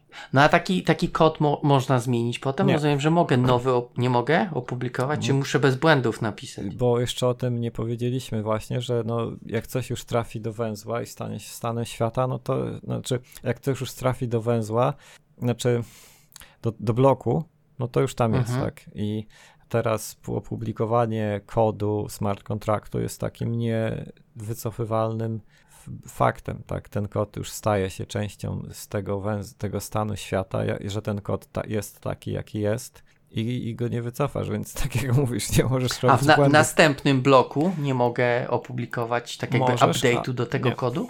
Nie. Nie, to już będzie nowy kontrakt, będzie tak? nowy To już kontrakt. będzie Luna 2 albo Cebula. Dymka Bo będzie. No, są takie historie, że no bo trochę tak naiwnie czasem widać, że ludzie podchodzą do tego tak jakby nigdy nie programowali i gdzieś tam, nie wiem, kiedyś zrobili grę, gdzie były jakieś tam rzeczy, jakieś można było tam mieć postacie i tam był błąd w tym smart kontrakcie, więc spróbowali opublikować nowy, y, zmigrować to jakoś tam, to się wszystko zaczęło wywalać. to takie nie, nietrywialne. Natomiast na razie, no tak, te smart kontrakty są bardzo proste, więc jeszcze to nie istnieje jako wielki problem. Najczęściej korzysta Mhm. się, wiesz, z jakichś gotowców, gdzie właściwie to w trzech linijkach sobie konfigurujesz, że chcesz mieć cebuliona i, i nie musisz od nowa takiego tokena oprogramowywać. Okej, okay, ale, ale gdzieś tam są jakieś e, artykuły, że ktoś tam wykradł, bo, bo ten smart contract był, miał jakiś błąd czy coś takiego. To jest bardzo duże ryzyko tej technologii. Jest też jakiś smart contract, jakieś tam platformy, gdzie utknęły jakieś miliony dolarów, bo jest błąd, mhm. że on tam trafia, a no nie ma w tym smart kontrakcie żadnej metody, której by można te miliony dolarów stamtąd wyciągnąć. No i nic z tym nie zrobisz. Y, sama technologia nic tego nie, nie używia. Jedyne, co by można było zrobić, to w ogóle zrobić jakiś update kodu Ethereum, który by, nie wiem, jakoś, Aha. wiesz, dedykowany sposób targetował tam zahardkodowany, że natomiast no, no to są rzeczy, tak się nie robi. No, bo... Raczej, raczej nie, mhm. okej. Okay. Okej, okay. ale to rozumiem, tu też przy tym yy, tokenach czy, czy, czy, tych krypto jakieś tam zaufanie do tego Ethereum musi być, tak? Że nie zrobią właśnie gdzieś tam tej, czy, czy, czy, czy, czy, czy chociażby ta maszyna nie ma jakiegoś błędu, tak? Ta wirtualna. Tak, jak najbardziej. Tylko tutaj broni okay. nas ten konsensus, że no jeżeli w, zrobisz węzeł, który ma jakiegoś baga w maszynie i zacznie jakieś bzdury wrzucać, to wszystkie inne węzły w sieci po prostu to odrzucą, tak? Bo zobaczą, że no heja, no ale coś tutaj.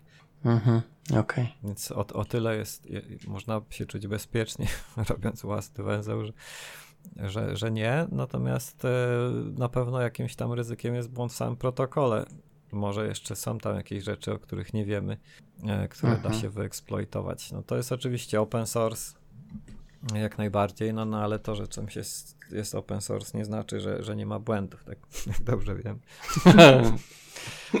Natomiast jeśli już jesteśmy okay. przy smart kontraktach, no to największa siła właśnie polega na tym, e, że wrzucasz sobie taki smart kontrakt, on jest publiczny i no cała idea blockchaina polega na tym, że to on się wykony, wykonuje, tak? Nie, nie, nie inny, nie jakiś deployment, nie ma jakiegoś deploymentu, gdzie ktoś mógłby coś namieszać. Nie ma też y, złego hosta, który by mógł namieszać, bo ten smart contract się wykona wszędzie i wszyscy potwierdzą, że to jest to, co powinno. Więc to jest taki open source na sterydach, powiedziałbym. Nie tylko w sensie, że kod widać, ale też ten, nie wiem, samo wykonanie jest open source. można powiedzieć. Mhm, okej, okay. rozumiem. No ciekawe to jest. Takie. No i to daje takie potężne możliwości, które mi się na przykład podobają, bo oczywiście można się śmiać tam z NFT-ków, z małp. To wszystko jest bańką, o, do, te, do tego tego. Do tego jeszcze możemy dojść. Natomiast tak. ja widzę tutaj no, potężne możliwości, tak? Myślę, że to z nami zostanie w tej czy innej formie. Nieważne, czy tam będzie proof of work, czy o stake, czy czegoś tam innego, ale sama idea, że możesz rzucić w sieć kod, któremu nie musi nikt ufać, bo on na pewno zrobi to, co chcemy, no daje nam mnóstwo możliwości jakichś nowych, gdzie mogę na przykład choćby właśnie te, ten Patronite, który byście zrobili w oparciu o cebuliony, tak? Możecie, nie prosząc żadnej trzeciej firmy, jakiegoś patronajta, za którym nie wiadomo kto stoi, po prostu wrzucić swój smart kontrakt cebulionowy mm, i, i, i, będzie wtedy każdy mógł sobie zobaczyć, co tam ten smart kontrakt robi. Będzie wiadomo, kiedy możecie wypłacać, będzie wiadomo, y, na co możecie to wydawać, jeżeli tak sobie zakodujecie. No na, na razie to po prostu jest cała, cała, cały ocean możliwości, co tam może się pojawić. E, I, I tyle, tak? I to będzie działać, to będzie publiczne, to będzie weryfikowalne przez sieć, bez ufania stronom trzecim, tak? Dlatego się tutaj mówi najczęściej o e, tym, że na przykład w inwestor to, to, to, to też umożliwia, otwiera mnóstwo nowych możliwości w kwestii takiego demokratyzacji finansów, tak? Na przykład teraz powiedzmy, jakbyś chciał zainwestować w kantor, no bo wiesz, że ludzie wymieniają kasę i w sumie to jest niezły biznes, no to nie pójdziesz do Ziutka i nie powiesz mu, no masz tu tysiąc dolarów, tysiąc złotych i da, odpalaj mi garze za to, że ludzie to wymieniają, tak?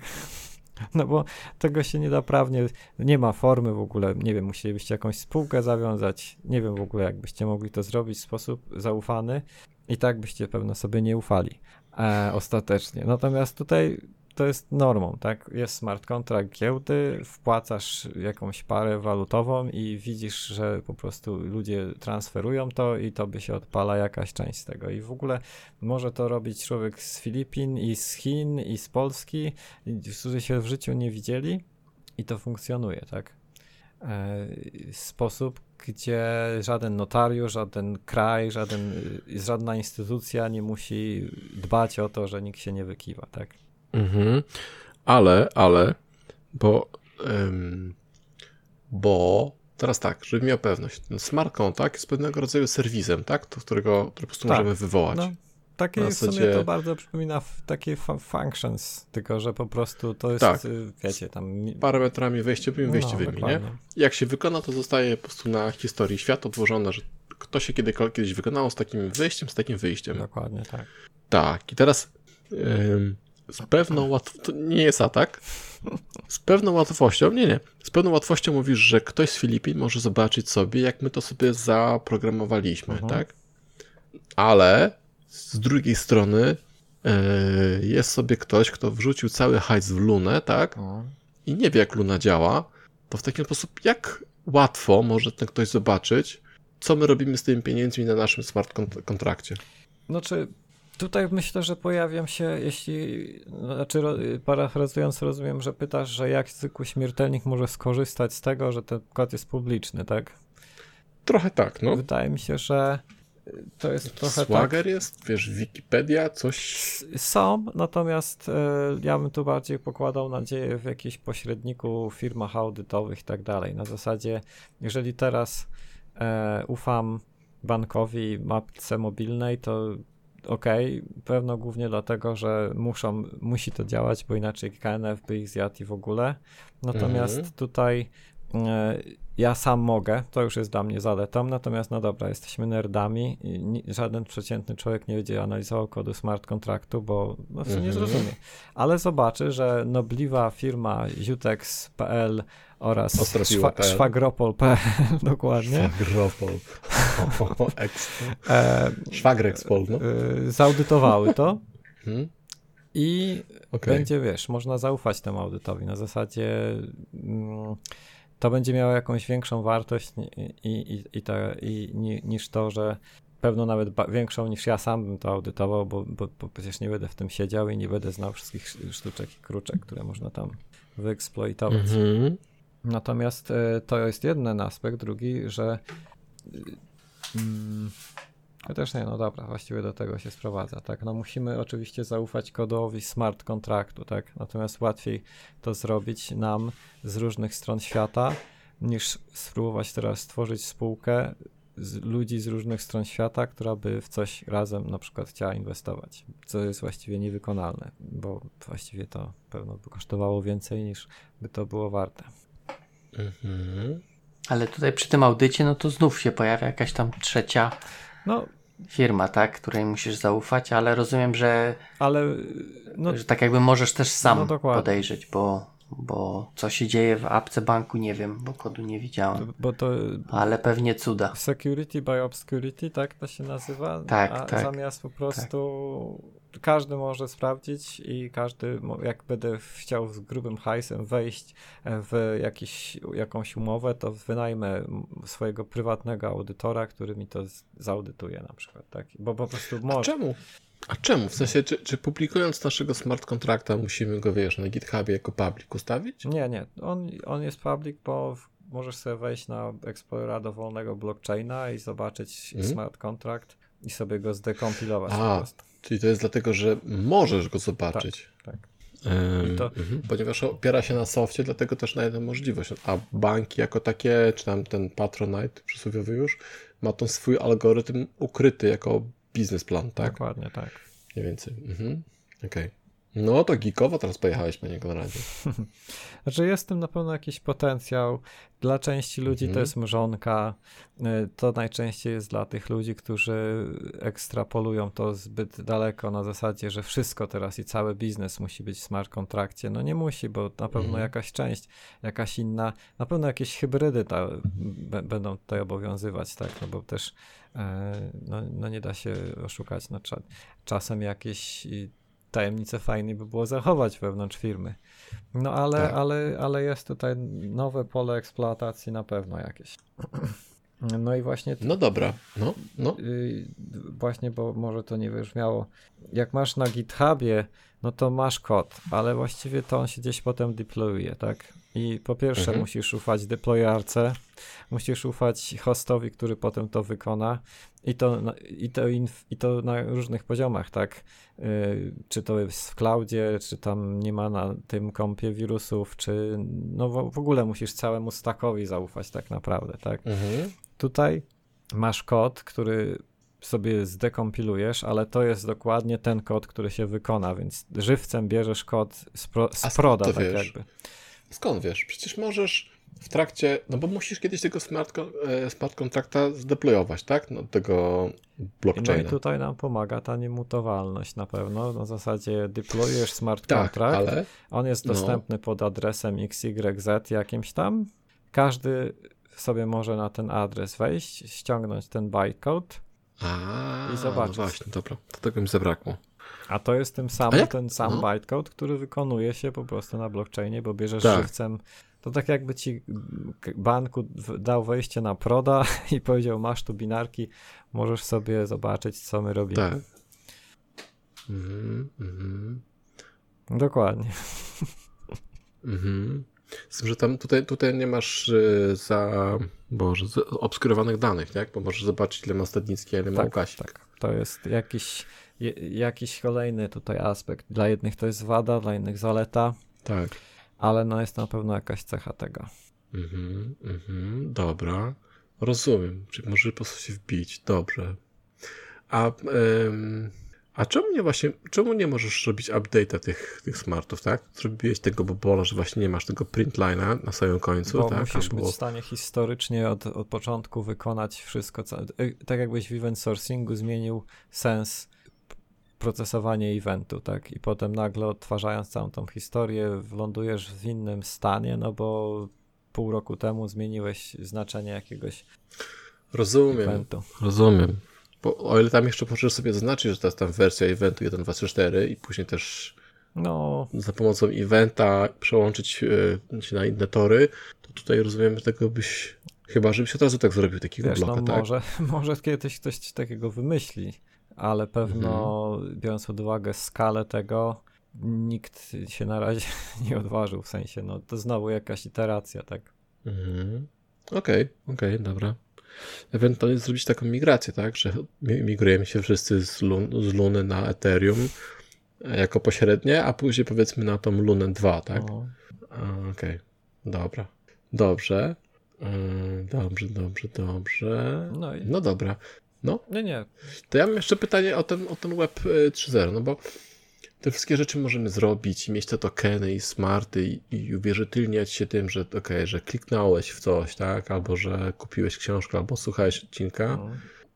i to jest ten buyer, tak, że możemy mieć potwierdzenie, y, że odcinek był przesłuchany w postaci tego bloku, bloku. Mm, Znaczy, no można, natomiast pomyśl, wydaje mi się, że tutaj, znaczy to samo byśmy mogli zrobić bez tych milionów koparek, które na całym świecie Mhm. e, działają naraz, więc wydaje mi się, że tu większą zaletą jest cała ta decentralizacja i to zaufanie. Na zasadzie e, możesz stworzyć coś, jak aplikację, któremu ufają wszyscy, zarazem nikt i, i wszyscy mogą być właścicielami na przykład, tak? Bo, bo jest pełna przejrzystość. Y, Klasyczny przykład y, me, social mediów obecnych, tak? E, Mhm. Siedzisz może na Facebooku albo nie, ale załóżmy, że siedzisz, no i spędzasz tam godziny, klikasz, lajkujesz, piszesz, y, to zapewnia ruch y, i w ogóle dzięki temu też są reklamy i ogólnie meta zarabia kupę hajsu na tym, że tam siedzisz, a ty z tego nie masz nic poza stratą życia. Mhm. No, na jest. dodatek jeszcze, e, jakby na przykład y, Zuckerberg jutro stwierdził, że zamyka to wszystko, to, za, to tracisz wszystko, Tak jest. te, te wszystkie te. Bo jest to pełna centralizacja, tak? Natomiast Web3 Mhm. będzie się skupiać na decentralizacji, czyli właśnie mm, zamiast mieć jedno, jeden byt, który to trzyma, jedną firmę, no tak, no tak naprawdę, stworzymy, stworzymy sobie zbiór jakichś powiedzmy smart kontraktów, który nam realizuje to samo, tak? Przy czym dzięki kodzikowi smart kontraktów e, możesz y, na przykład za każdego lajka dostawać centa. Mhm. To nie lubię tego przykładu, bo często też jest to jako antypatem traktowane, no ale dobra. Y, ponieważ jest pełna przejrzystość, możemy się mhm. umówić na to, że ty Tom, e, po pierwsze możesz być właścicielem, tak, bo możemy napisać smart contract, który pozwoli ci, e, możemy tak napisać smart contract, że pozwoli on ci zabrać wszystkie twoje posty i na przykład zmigrować do jakiegoś cebulion MySpace'a. MySpace'a czy czegoś, tak, bo na przykład będziesz chciał korzystać z takiego czegoś przejrzystość pełna, co się z tymi postami dzieje, bo smart kontrakty, które to analizują, też pewno dobrze, jakby były publiczne, a jakby nie będą, to może nie będziesz chciał korzystać z takiego Facebooka nowego. Mm, no i co najważniejsze, mm, no właśnie, pełna decentralizacja. A w jaki sposób masz przejrzystość? No bo teraz rozumiem, że, że wszystkie akcje typu, yy, które w jakikolwiek sposób modyfikują treść są zapisywalne, ale wszystkie, ale nie rozumiem. Zapytania nie są. Możemy, no właśnie. Więc mógł, mógłbyś to... zbudować sobie na boku coś, co ściąga te wszystkie dane i, tak. e, i coś z tym robi. No to, to prawda, no tego, tego nie przeskoczymy. Dobra. Natomiast przejrzystość jest tu na tej zasadzie, że y, będziesz widział, że ok, kliknąłeś 15 razy, ziutków ci kliknęło 60, to razem daje 40 mhm. centów w tym miesiącu i tak dalej. Mhm. Y, i, i, i całą, całe ten, ten śledzenie, ta rozliczalność tego jest publiczna w tym, w tym sensie. Jasne, to rozumiem. No, mhm. no, i, no i w ogóle znowu, na razie Web3 głównie działa gdzieś tam wokół finansów. Pewno mhm. między innymi dlatego, że no, najbardziej się to opłaca, po drugie, że krypto, to jest trochę taka naturalna mm, ewolucja kryptowalut i dopiero wydaje mi się IT i ludzie i biznes się uczy, do czego można wykorzystać te smart kontrakty i, i tą demokratyzację i tą weryfikowalność mhm. tego ale tak działają też na przykład te zdecentralizowane giełdy, tak? Nie, nie ma sobie firmy, która realizuje giełdę, na której możesz wymieniać kryptowaluty, tylko rzucasz sobie zestaw smart kontraktów, mm, mhm. opakowujesz to frontendem i znowu bez mhm. podpisywania jakiejś tam umowy możesz zasilić ten smart kontrakt swoimi pieniędzmi, dzięki czemu będziesz dostawał procent od obrotów tej giełdy, tak? No, no mhm. no nierealizowalna rzecz w, w tradycyjnym systemie, gdzie, gdzie musiałbyś to, nie wiem, jak gdybyś... Z prawem przejść wszystko, tak, tak. tak no. Taka filia kantoru, tak, żeby się tworzyć. Dokładnie, no i teraz mhm. e, powiedzmy, że to można oczywiście ekstrapo, no, no można różne scenariusze wymyślać, nie To dla mnie najlepiej działa zawsze w jakimś ekosystemie w ogóle cyfrowym, jak w przyszłości będą metawersy, tak? Może jeszcze o tym wspomnimy, no ale w każdym razie, jakbyśmy chcieli w przyszłości kupić ziemię w metaversie na, na, na spółkę, żeby ją wynajmować. Nie myślałem o tym, no. No to co byśmy musieli teraz robić? Spółkę jakąś, umowę cywilnoprawną jakąś dziwną? A tak to zrobimy sobie smart contract, w którym o, z właścicielem tego będzie ten smart contract. Każdy będzie widział, ile tam wpłaciłeś. Pełna przejrzystość, żeby sobie wypłacamy z tego jakieś tam procenty. I znowu może w to wejść tysiąc osób, tak? Bo normalnie no to przecież tysiąc osób nie przyjdzie do notariusza, bo by zawału dostał. Tak. A tutaj może nie ma limitu. Nie ma potrzeby, bo wszystko się automatycznie wykona i będzie zatrzymana tak, historia. Nie ma, w sensie, nie ma limitów geograficznych, nie ma limitów. Yy, mm. Też próg wejścia się zmniejsza, no bo nikt by się w takie rzeczy nie bawił pewno bez jakichś grubych hajsów, a tutaj nie wiem, może jakaś liberalna umowa będzie ci pozwalać za 3 dolary kupić udział w, takiej działce i będzie ci tam kapać 5 centów miesięcznie, ale będziesz mhm. dumnym współwłaścicielem działki, tak? tak. Meta. Meta działki. W meta. To wszystko brzmi abstrakcyjnie, ale wydaje mi się, że no chyba no, player... mało kto jak my rozumiemy, jak świat cyfrowy się może zmieniać, więc tak. Jeszcze Google'a nie było 20 lat temu, więc to jest. E, to się, to się wydaje mi wszystko dopiero buduje. Tak, tak, tak. No mi się tutaj przypomina mocno Player One, nie? No, dokładnie. Film. No i teraz, żeby móc mieć coś tam w świecie tym cyfrowym, musimy mieć formę, która nam to umożliwi. Każdy sobie wyobrażał, że to będzie jakaś super mega korp, Cebulion Corp czy coś, a to nie musi być Cebulion Corp. Można sobie stworzyć właśnie taki blockchain, gdzie Oczywiście, za Lokalne tym będzie pieniądze. stał kapitał, za tym będzie stać Mhm. mnóstwo bogatych ludzi w, ze Stanów czy z innych krajów, ale sama technologia. Ale nie muszą tak naprawdę, no bo jeśli możesz sobie mieć e, wrocławski coin, tak, i będzie tylko we Wrocławiu, Mhm. no to wiesz, to nie musi wcale być jakiś tam korp, tylko może być Wrocław No coin, nie? Oczywiście on będzie nieważny już w Warszawa coin, więc będziesz miał pewnie na granicy światu, będziesz mieć kantory O, i tam będą kapały procenty, nie? No można tak. Wrocławskie, warszawskie pewnie, tak. Em, ale wtedy właśnie ta powiedzmy lokalna waluta może być, nie? Jak najbardziej. No i nawet sam tam jakieś coiny Nowego Jorku czy cześć, coś, ale to wszystko budowane jest na hypie na zasadzie, to, to chyba nic nie Tak, daje tak. na razie. Poza faktem, żeby Mhm. w wiadomościach można było napisać, że Nowy Jork ma swoje coiny. Kupujcie, kupujcie, póki jeszcze czekam. Dokładnie. Tak? Znaczy, nawet był pomysł przecież, jak y, wybuchła wojna, żeby Ukraina wydała swoje NFT-ki jako formę finansowania, ale em, dosyć taki rzutki minister cyfryzacji miał taki pomysł, Mhm. ale chyba się tam wycofał, bo pewno jakieś... tam- Poszli w znaczki. No właśnie, Mhm. tradycyjnie bardziej. Też, też Tak. dobrze. A no właśnie, a te NFT-ki, no bo rozumiem, No. jak masz jakieś coiny, no to są... Czy, dobrze, to może raczej. Czym się różni NFT od coina? Z naszego nerdowskiego punktu widzenia niewiele się różni, bo oba to są smart kontrakty.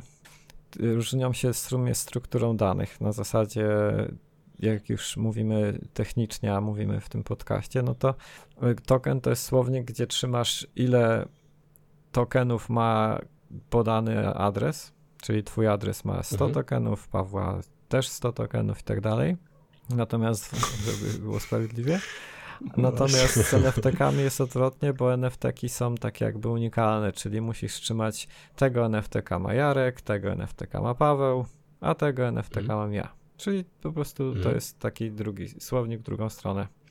Na zasadzie tworzysz Okej. sobie unikalny byt, którego właścicielem może być konkretna osoba, konkretny adres. Mhm. No i to oczywiście też jest zaklepane e, blockchainem, że, że to jestem ja właścicielem i nikt tutaj nie oszuka. Jasne.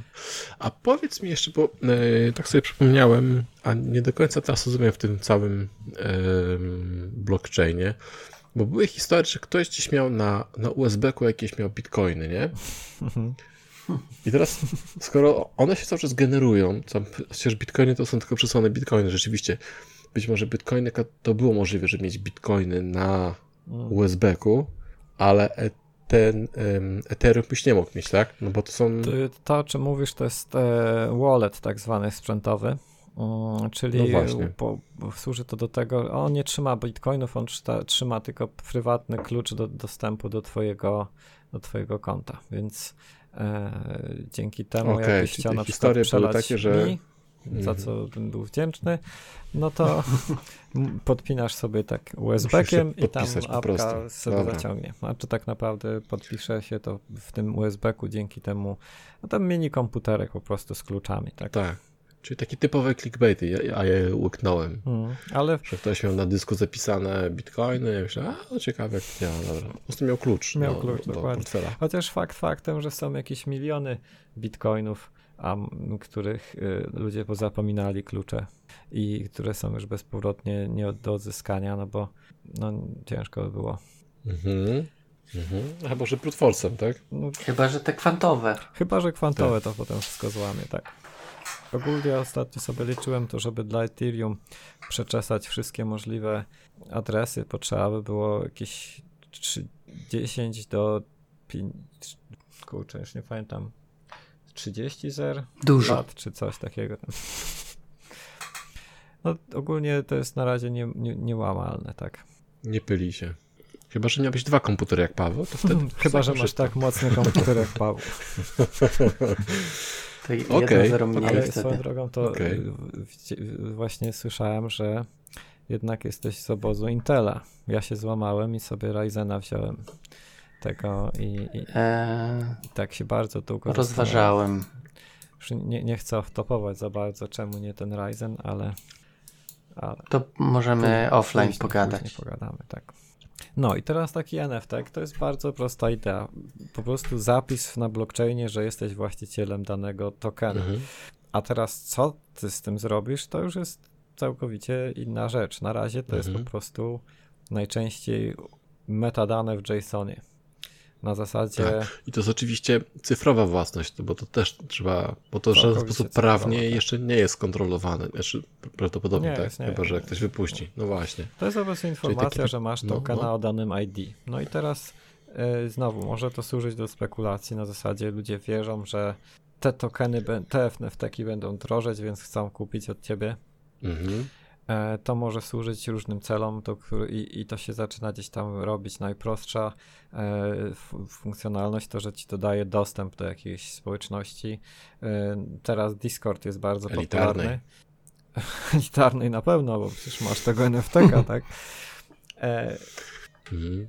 i, i, i, I tyle. No, oczywiście jedną z takich metadanych przypiętych do takiego NFT-ka może być ten sławny obrazek, tak? No i możemy Właśnie. się śmiać z tych małp.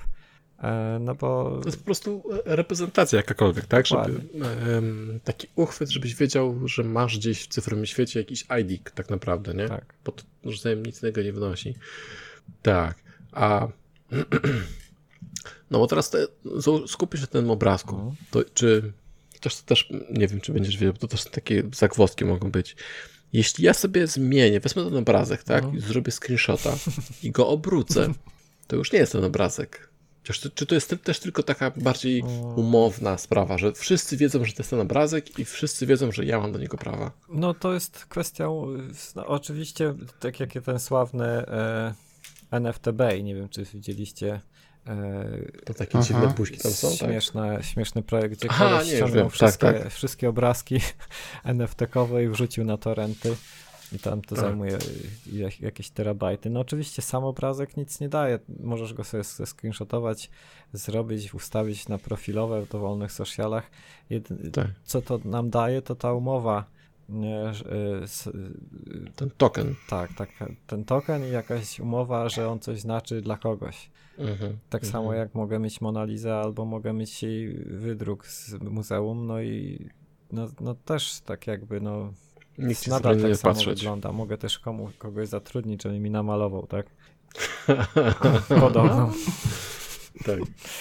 No więc e, to jest tylko i wyłącznie umowa, tak? E, I oczywiście Mhm. jest wokół tego dużo hejtu, no bo to bez sensu, tak? Że ludzie kupują za 200 tysięcy dolarów, miliony dolarów obrazek, czasem, który ma, nie wiem, 200 pikseli. Jest Tak. to wkurzające. Jest wkurzające, Albo że, tweet, nie? że leci na to tak dużo mocy obliczeniowej. Dla mnie to jest wszystko objaw takiej bańki typowej i, pierwszej iteracji, czy drugiej, która to wiadomo, że pęknie, ale potem potem zostanie sama idea. Bo tego NFT-ka możesz teraz użyć do różnych celów. Klasyczny przykład e-booki, Mhm. kursy. y, y, y, Czy powstanie coś nowego na zasadzie Mirek Burnejko, wielki tutaj, Mhm. znaczy no niewielki, ale zwolennik, Innowator. innowator twierdzi i dużo osób innych też, że na przykład może się, co, co nam NFT na, może dać, to cyfrowy obieg e, wtórny. Na zasadzie kupujesz kurs i możesz go potem Mhm. sprzedać. Tak. I y, twórca zarabia na royalties, na, na, na procencie tego obrotu na przykład. E, A ty Mm. możesz sobie zarobić na tym, że już obejrzałeś ci nie jest potrzebny. No bo teraz jak, nie wiem, w życiu nie widziałem, żeby ktoś Tak, się tak. buka sprzedawał. Mhm. Em, albo właśnie dostęp do kursu może prędzej, bo e-book znowu łatwo go ściągnąć jako PDF i, i po co miałbyś NFT-ka kupować, żeby tego PDF-a mieć, chyba, że to ci da coś więcej, na przykład jakieś aktualizacje albo dostęp do jakichś autorów, nie wiem, kolację z tym Mhm. autorem raz. Elitarnego klubu. Hmm. Wszystko to się będzie gdzieś tam, Jasne. wydaje mi się, klarować. Czyli kupujesz sobie tak naprawdę dostęp, który później możesz odsprzedać. Tak na razie do, to, do Tylko tego też się, musisz się- NFT-ki, Mhm. można powiedzieć, sprowadzają. Poza całym tym skamem, który polega na tym, żeby wyciągnąć z, pie- ludzi, z ludzi pieniądze i zniknąć, tak. Znaczy no, ja mo- mogę wysłać za duże pieniądze jakieś, wiesz, obrazki. Tego jest już tyle, że powstały NFT-ki na każdy temat. Nie wiem, chciałbyś zrobić kolekcję liter, jest, są już kolekcje NFT-ków reprezentujące litery, pierwiastki, słowa, wszystko, co się dało, to Kolekcję pił zrobimy. Właśnie. jakbyście zrobili jako NFT, nie wiem, nagranie pierwsze czy coś, tak jak ten sławny pierwszy tweet, Mhm. to takie, takie ciekawostki. A to tam chyba, czekaj, to to chciał odsprzedać gość za ileś Tak, bo kupił za... i mu tam Nie wyszło nie za, nie za bardzo wyszło. Tak, tak, tak. W ogóle no jest to potężna, potężny, potężny rynek w ogóle, jak się w to wgłębić, ile też wiecie, się, e, botów tam istnieje, jakichś skryptów, które próbują coś na tym, to, to w ogóle powstał nowy wszechświat ludzi i, i, i zastosowań, o których większość ludzi nie wie, która w tym nie siedzi. Mhm. Co samo z za chwilę jest robiony snapshot. A czy sorry, hash z tego liczony. Dokładnie. Hash, hash. Hash, właśnie. hmm, No dobrze. okej, czyli NFT to już nie za bardzo, tak mówisz? Znaczy, Wszystko już jest. No, znaczy, nie wiem. W sensie. Kaczuszek. Są kaczuszki? nie wiem, to byłoby całkiem niezłe. Poczekaj, za, zakoduję zaraz. Znaczy, wiecie, bo A, też w NFT-kach, nie wiem, nie wiem, czy tam w ogóle śledziliście to, ale e, często jest tak, że na przykład y, bardzo dużo se, se, se jest takich kolekcji autogenerowanych. Na zasadzie jest twarz i tam się zmieniają okulary, włosy, broda, koszula.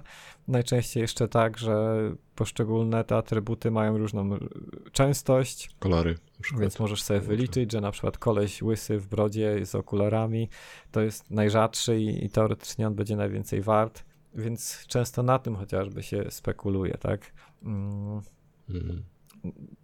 No tak jak te, no. Karty kolekcjonerskie, tak. tak. Kiedyś się zbierało, tak. Czy tazosy z chipsów. dokładnie tak, tylko teraz I, i, ja pamiętam, że numeru 19 to chyba nie mogłem znaleźć, bo rzadki był. To pamiętam, był Trauma na bagnach. Luke. E, e, tak, jeden z tych. Nadal ci pamięci to utknęło, więc Tak, tak, bo kurde, tak, wiesz, tyle chipsów się nażarło, a dalej nie mogę. Już, mamo, już nie mogę. jest. Ach, No, ciekawe. No mnie to fascynuje, że tyle ludzie są w stanie pieniędzy i, i, i też, że mają, żeby wydać na takie rzeczy. Wiesz, na jakiś obrazek y, małpy.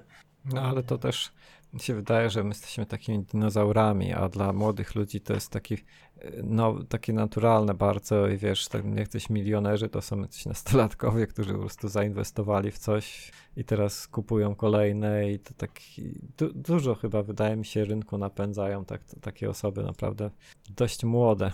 Mm, Na zasadzie, no, Może wiesz, tak. no, jakiś tam mąż, ojciec nie będzie wydawał milionów dolarów na małpy, bo się będzie bał, tak? A jakiś tam nastolatek, który zarobił banie, bo zainwestował w coś, będzie dalej inwestował, tak? To Jolo. jest taki dziki zachód na razie, no. Takie mam właśnie wrażenie, że, że to takie trochę, mm, tak powiedzieć, no, to taka trochę zabawka jest i póki co Bardzo, tymi- bardzo droga zabawka, na którym można też dużo Właśnie. zarobić, dużo stracić. Właśnie, ale i teraz ciekawe, jaka część ludzi jest tutaj po to, żeby się, wiesz, pobawić, po prostu mieć ten token i małpę i powiedzieć, ok, ja właściwie mam tą um, cyfrowe prawo do, do tej małpy, a jaka część tych ludzi jest po to, żeby, ok, kupię, sprzedam, Mm. e, wymienię. Podejrzewam, że tych spekulantów jest wciąż więcej tak naprawdę. E, jeszcze sobie myślę, że to mogłoby mieć mm, jakieś powiedzmy ręce i nogi, gdyby w jakiś sposób limitować te przedmioty, tak? Tak jak ja powiedzmy ta Ziemia w metaversie. Mhm. Załóżmy, że, że Ziemia w meta będzie skończona, Mhm. w wirtualnym świecie skończymy Ziemię e, i że po prostu sobie wy, wykupisz i to nie muszą być grube pieniądze, ale że będziesz mieć, wiesz, swoją unikatową rzecz, że możesz być unikatowym gościem w okularach Mhm. i to by dla mnie miało jakąś wartość. Tak jest. W sensie Em. NFT jest samograniczone właśnie. I Ziemia też. Tak, tak, z tym, że e, o ile wiesz, NFT-ków w postaci małpek i JPG sobie nie ograniczysz, tak? A w metaversie myślę, że już, bo to będziesz w ich ekosystemie, Mhm. więc e, tak jakby możesz powiedzieć, że od tej pory na mój kawałek ziemi nikt nie może wejść, albo takich okularów nie ma nikt więcej na świecie, tylko są jedne, Mhm. w tym, znaczy w meta. O ile możesz zrobić sobie screenshota małpy i też sobie wstawić. I... Rozumiem, a tam jest tak jakby częścią sys- gry, systemu i tak nie da się, Tak, ni- nic ci nie da, jakiś prosty screenshot czy coś. No, Tak. Na pewno. I tam jesteś też unikatowy tak naprawdę, więc tam, tam to ten, ten zakup w jakiś sposób mm, no, ma, ma sens, tak? Bo to jest, to jestem ja, tak? Ja, tylko ja mam różowe okulary. Także trochę powiedzmy, chyba ten cały ekosystem musi y, dojrzeć, a tutaj jest tylko taki, taki dziki zachód i właśnie y, Ale tutaj tak wiesz, wydaje. w NFT też chyba no. jesteś unikatowy, no bo tylko ty masz tą małpę, nie? no nie, no Ty chcesz zrobić screenshota, no ale nie potwierdzisz, że to twoja. Ale i To tak samo, ale poczekaj, a czy, bo, bo, czy ja nie mogę sobie, wiesz, ktoś sobie kupił, y, powiedzmy, nie wiem jak w meta, ale tam w Counter-Strike'u kupię se różową broń, nie? To ja chyba Mhm. sobie też mogę zrobić różową broń. Nie muszę jej kupować, jak Ale to nie, wiem, będzie umiem ta programować czy różowa coś. broń. Właśnie. W sensie nikt, No ale to tak samo jak Jarek zrobi screenshota, to to nie będzie ta małpa, nie? no nie będzie. Nikt jej nie kupi za No. tyle, za ile kupiłby ktoś, kto ma faktycznie w blockchainie zapisane, że to jest ta, twoja małpa tutaj. Że to jest ta małpa.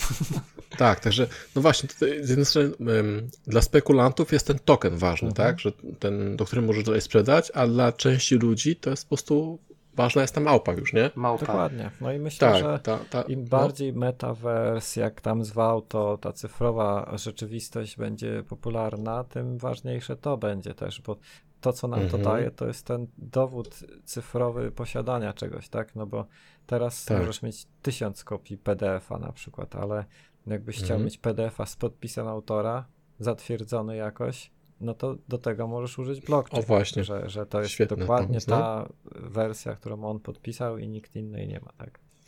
ale jednocześnie e, ten cyfrowy świat musi mieć pewnego rodzaju blokadę, która ci, wiesz, nie pozwoli zduplikować No książki, to, to, tak? to będzie no bo ten kontrol- blockchain. No, w zasadzie ja teraz też mogę wziąć Lunę y, smart contract, zdeployować jeszcze raz i, i, s- i Mhm. mieć Lunę, miliard Luny swojej, tylko nikt nie będzie chciał tej Luny kupić. Tak Nie, samo nie, nie, nie, nie o to mi chodzi. zdeployować dokładnie jeden do jednego kryptopanków, tak, najbardziej wyceniane Mhm. NFT-ki z dokładnie tymi samymi obrazkami, tylko że nikt nie będzie chciał ich kupić, bo to nie są, to nie jest ten smart contract, to nie, Tak, nie, nie, w tym, nie w tym realmie. E, Bardziej mi chodzi o to, że e, jak już powiedzmy mamy tą cyfrową książkę w, w meta, nie? Mhm. Powiedzmy z twoim podpisem i teraz ty ją możesz komuś pożyczyć. Mhm. I teraz m, pe- w pewien sposób trzeba by, em, wartość tego całego smarta, myślę, że tam może być, taka, że to zacznie naśladować trochę rzeczywisty Mhm. świat, tak? Że ona zniknie od ciebie, Dokładnie tak. na kontrakcie gdzieś tam pójdzie i teraz nie masz do niej dostępu, tak? Dokładnie Pewnie tak. ktoś później musimy oddać. Być może jakiś system pożyczania, wiesz, wirtualnego pożyczania wejdzie, tak? Natomiast y, no, myślę, że to też w tym, takim kierunku idzie, żeby ten wirtualny świat naśladował rzeczywisty Dokładnie, świat. to jest takie zastosowanie. Jeżeli ktoś mnie pyta, Hmm. jaki jest use case i jaki problem rozwiązuje to wszystko, no to ja mu powiem, no właśnie coś takiego, jak powiedziałeś, tak? No rozwiązuje taki prosty problem, jak przenieść takie y, pewne realia Rzeczywistość w świata. cyfrę. Dokładnie. Mhm. Kiedyś, e, taka mała dygresja. Kiedyś widziałem, że e, ktoś porównywał, że robienie zdjęć, że fot fotografowie chcą jak najbardziej odejść od rzeczywistości, robią takie rozmarzone, wiecie, te e, bokechy i tak dalej, takie, żeby były nierzeczywiste, a z drugiej strony e, graficy komputerowi robią wszystko, co tylko mogą, żeby ich rendery były jak najbardziej rze- rzeczywiste.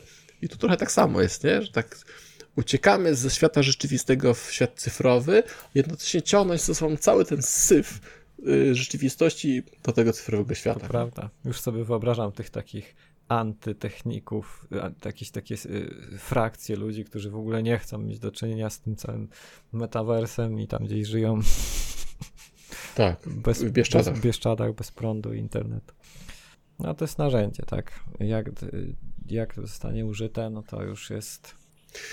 No, e, ciekawe, e, bardzo ciekawe spojrzenie, w sensie, ja to, to zawsze traktowałem na, na tej takiej mocno spekulacyjnej, A. e, powiedzmy, stopie i nie dostrzegałem tej, powiedzmy, unikalności, którą może to przynieść, nie? I tego, tej przyszłości, którą to ze sobą ciągnie. Znaczy, ewentualnie wprowadza nasz przyszłość, no, ciągnie, wprowadza. O, Przyszłości, z którą to jest związane, a może tak. Mi się wydaje, że Ciekawe, jest duży no. potencjał i dlatego się też tym trochę zajmuję. W zasadzie, no dobra, mogę sobie tam próbować kupić małpę i sprzedać, ale y, to, co jest interesujące, to właśnie te, te, te możliwości, no i też ta technologia, która za tym stoi. Tak. Jest mnóstwo nerdowskich rzeczy tam. Ale też ograniczenia, tak? No bo, yy, no bo to ma pewne ograniczenia, tak? Właśnie ten, to weryfikacja danych, czy powiedzmy ta rozproszalność. Mm. Z jednej strony jest drobna, dobra, z drugiej strony jest bardzo kosztowna, tak? No bo No jest kosztowna, tylko właśnie są te No też właśnie. kolejne tam pomysły, mm, kolejne w, w ogóle y, algorytmiczne usprawnienia, jak, jakby można to rozwiązać, żeby no jednak y, zachować tą samą ideę, o której tu mówimy, a jednocześnie nie marnować tyle tej energii na to, bo, bo to jest Mhm. faktycznie bezsensowny aspekt. A tak sobie myślę jeszcze y, o powiedzmy o pewnego rodzaju atakach, no bo ten dowcip z Chińczykami, bo gdybyś miał wystarczająco dużą farmę, tak, to mógłbyś zagadać inne Mhm. węzły swoją wersją, tak? Tak. No teraz to zależy. No tak, to się nazywa a 50, a, atak 51%, Dokładnie. e, że jakbyś miał odpowiednio dużą moc obliczeniową, to właśnie mógłbyś zacząć mówić swoją wersję prawdy. Mhm. No i teraz pytanie jest, jaka jest, jaka jest moc obliczeniowa całego blockchaina i ile musiałbyś jej mieć i ile ona by kosztowała Mhm. cię fizycznie, w sensie ilość koparek, prądu, żeby to wykonać, tak? Są tak, jest taka stronka 51 Mhm. e, atak, y, zaraz znajdę. Krypto 51, możecie sobie wyszukać. Ile by Mhm. kosztował atak na poszczególne blockchainy, tak? I widać, że na przykład na Bitcoina, żeby taki atak trwał godzinę, trzeba wydać ponad milion dolarów. Mm, Czy to się Milion dolarów. Czy to O, się nie jest To nie dużo. tak dużo. to, to, to nie jest dużo, tylko teraz mm, to jest koszt. E, oni to liczą akurat, e, ile by kosztowało wypożyczenie tej mocy z takiej usługi Nice Hash, czyli gdzie płacisz ludziom za to, że kopią za ciebie, bo sam nie masz koparek. Jasne. No i tutaj obok jest kolumna 0%, to znaczy, że Nice Hash ma 0% mocy na taki atak, w sensie pewno Jasne. któryś tam Mhm. liczba po przecinku. W sensie nie, ma, nie mają w ogóle nawet ułamka procenta mocy, żeby taki Mhm. atak przeprowadzić. Natomiast jak Tak. są chainy jakieś w ogóle niepopularne, to widać, że czasem jest 80%, 330% na zasadzie wjeżdżasz i robisz co chcesz, tak? To jest Mhm. tak mało węzłów, że, że łatwo oszukać, tak? Swoją drogą, jak masz, Paweł, dobrą kartę, no to nice hash. Zgłaszasz się jako miner i dostajesz tam. Właśnie. Mm, Kurde, tylko ten, Chociaż najlepiej zarabiać. jakbyś sam kopał, po co się tam dzielić zyskiem. Dobrze. Zaraz tu już mówię, notatki mam. Tu Luna unikać, Luna nie kopać. małpy kupować.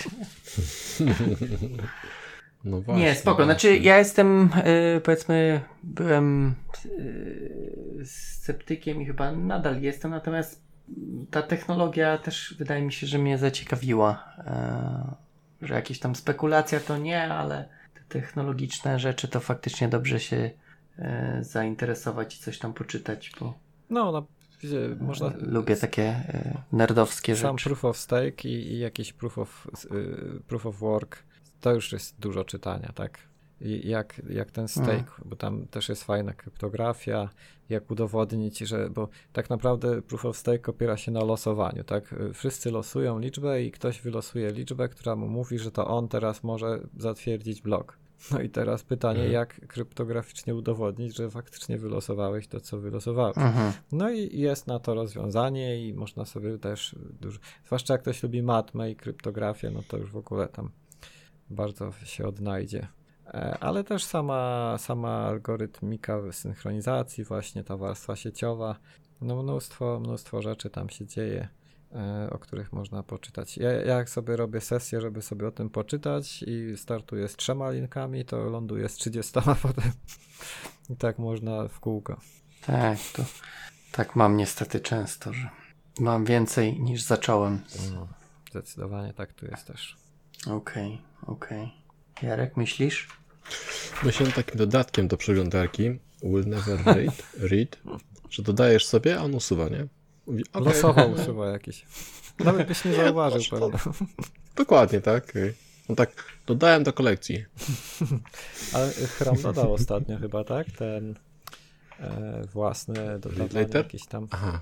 zakła- do czytania, czy jakiś taki Instapaper, tylko że wbudowany w, w Chroma. Nie, nie Mhm. używam tego, ale coś mi mignęło.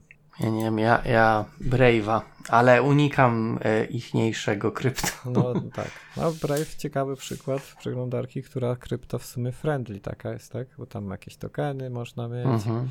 tak. wallet. A ja wszystko poukrywałem. Żeby nie kusiło?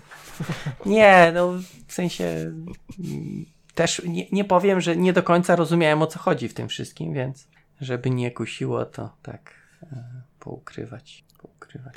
E, Konrad, a powiedz mi, bo em, 3.0 to są teraz te powiedzmy te tokeny, tak? I ta taka przejrzystość No. i rozproszoność, jak rozumiem.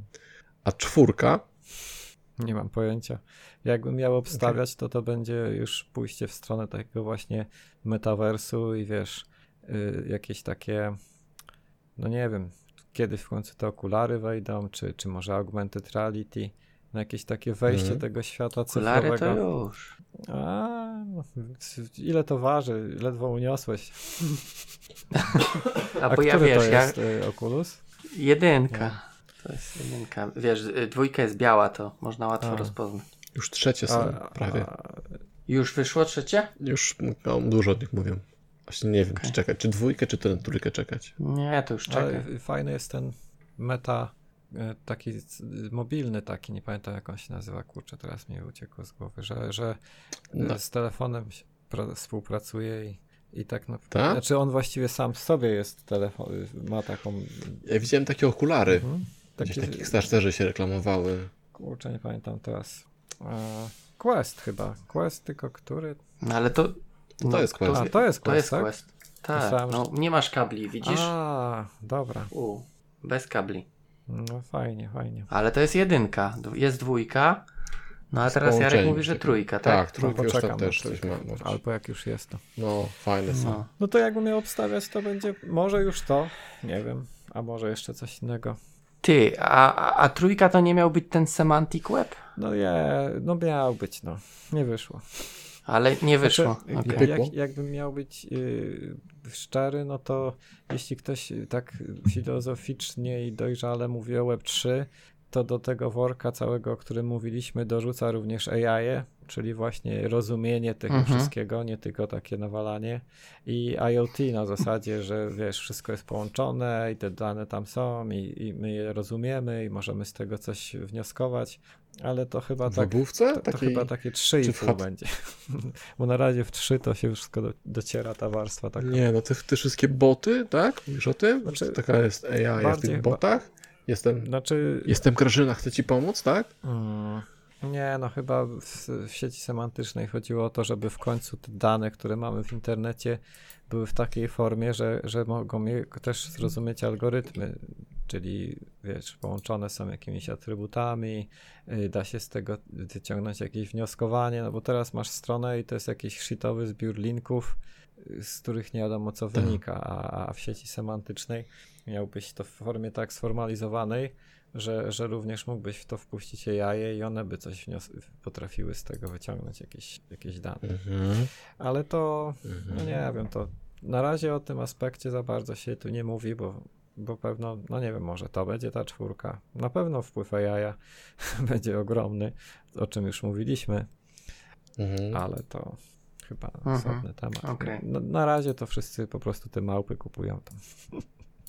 Ty, a tu mam jeszcze, bo miałem ten. Libra, y, taka y, waluta jeszcze jest? Krypto? Bo to chyba Facebooka, nie? Miałem Masz- to- masz coś ten jeszcze? projekt nie, nie został y, skończony. okej. Ale teraz Bo tam Meta kiedyś ogłosi- pamiętam jakiś papier czytałem ichniejszy pomysł. o tej Librze. Ostatnio znowu coś tam ogłosili, że coś będą wymyślać. Tak się przymierzają. E, Mhm. Ale nie, nie wczytywałem się dokładnie. Pies do Na pewno tak? te krypto czeka na to, że jakiś naprawdę wielki gracz wejdzie typu Amazon albo właśnie Facebook. Mm. Coś, coś naprawdę dużego i, i, i wtedy da, A czemu nie wchodzą? Czemu właśnie ich jeszcze nie ma? No we- wiesz, no to jest tak jak czemu nie wszystkie firmy od razu weszły w chmurę, tak? No trzeba popatrzeć, zobaczyć, czy to działa, jak to działa, jak tego A, używać. early adopters i tam late, a, No. i tam late, tak. Dokładnie. Jak, Mhm.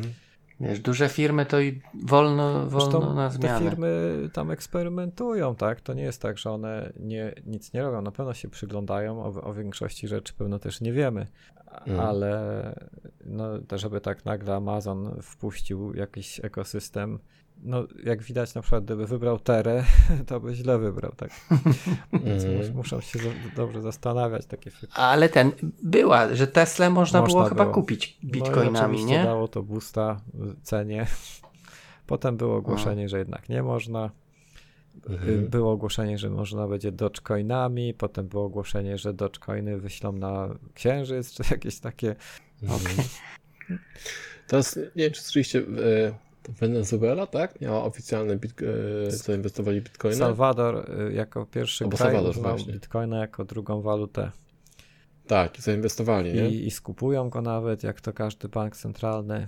Co też oczywiście kryptomaniaków ucieszyło, no bo jest to takie, no, Mhm. no tutaj jakiś kraj. Ale na przykład A nie było jakoś tam potem tąpnięcia na tym No bitcoinie? tak, było i nawet tak. w parę dni temu czytałem, że może Salvador zbankrutuje Dokładnie. z powodu Bitcoina. Chociaż on aż tak się nie wachnął, żeby chyba aż tak się o to bać, więc Okej. no ale no tak, czytałem, że Salwador to też zrobił dlatego, że bardzo ma specyficzną gospodarkę, gdzie bardzo dużo ludzi wyjeżdżających płaci ziomkom, którzy zostali i prostu krypto świetnie się nadaje do takich transferów, zamiast tam jakieś Aha, przesyłać aha. dolary, jak dziwne i w ogóle nie wiadomo jak. Mhm. E, Więc No. Okej, okej. no ale teraz by chcieli jakiś kolejny kraj na pewno, żeby się zdecydował, bo to jest zawsze jakiś wzrost popularności, tak?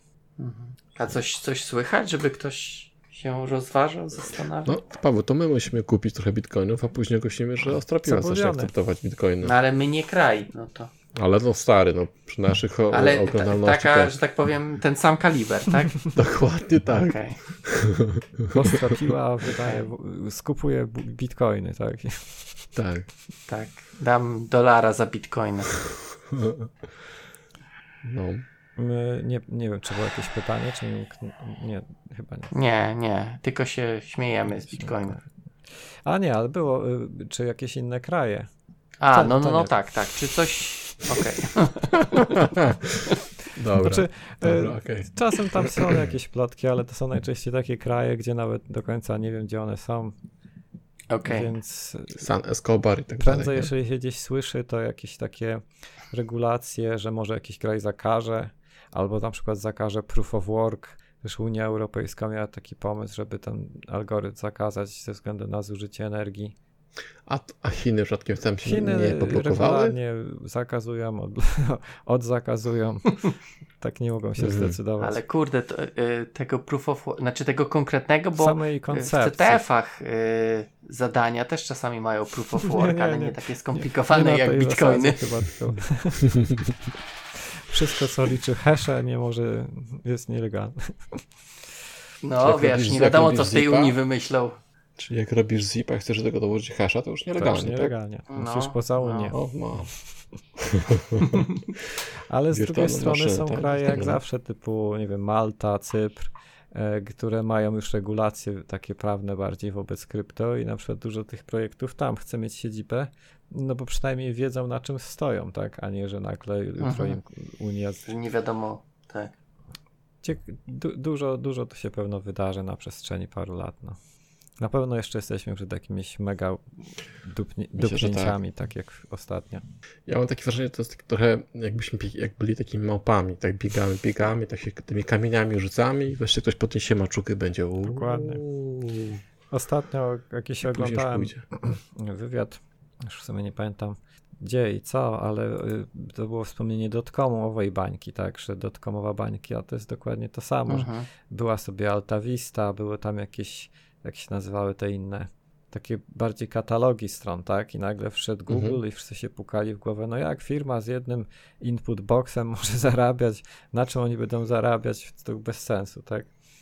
Więc myślę, że gdzieś na tym etapie jesteśmy teraz, że możemy się śmiać, a gdzieś jakaś parę firm po prostu tą bańkę przetrwa i, i powstaną rzeczy, których sobie na razie no tak jeszcze do końca nie Coś wyobrażamy. znajdą. Właśnie. A. taką trochę niszę. Albo właśnie powstanie produkt w postaci tej mety, tak? Który zacznie Albo żreć. Mhm. No i No ciekawe. też jest ten trend Trzeba obserwować. Jest też trend play to earn, tak, który się tutaj mm, ma znowu fanów i, i przeciwników, czyli zarabianie, y, granie na, zarabianie na graniu. No i teoretycznie oczywiście można to zrobić też bez, ale cały ten ekosystem kryptowalutowy no, temu sprzyja. I, I jak żeby po deszczu powstają jakieś firmy, które proponują grę, gdzie za granie dostajesz pieniądze. A właściwie cebuliony, a potem te cebuliony możesz sobie spieniężyć. Mhm. Wymienić. I znowu, no, czy to, To tak odwrotnie do pay czy to to win. jest tak? dobre, czy to jest złe? No, pay to win nie wszyscy nienawidzą, tak? A tutaj, Mhm. no, jak ktoś chce, no to niech to robi, tak? A Zastanawiam za się, ci czemu, czemu mieliby ja mi nie- płacić nie- właśnie za Nie, granie. ogaru, nie ogarniam.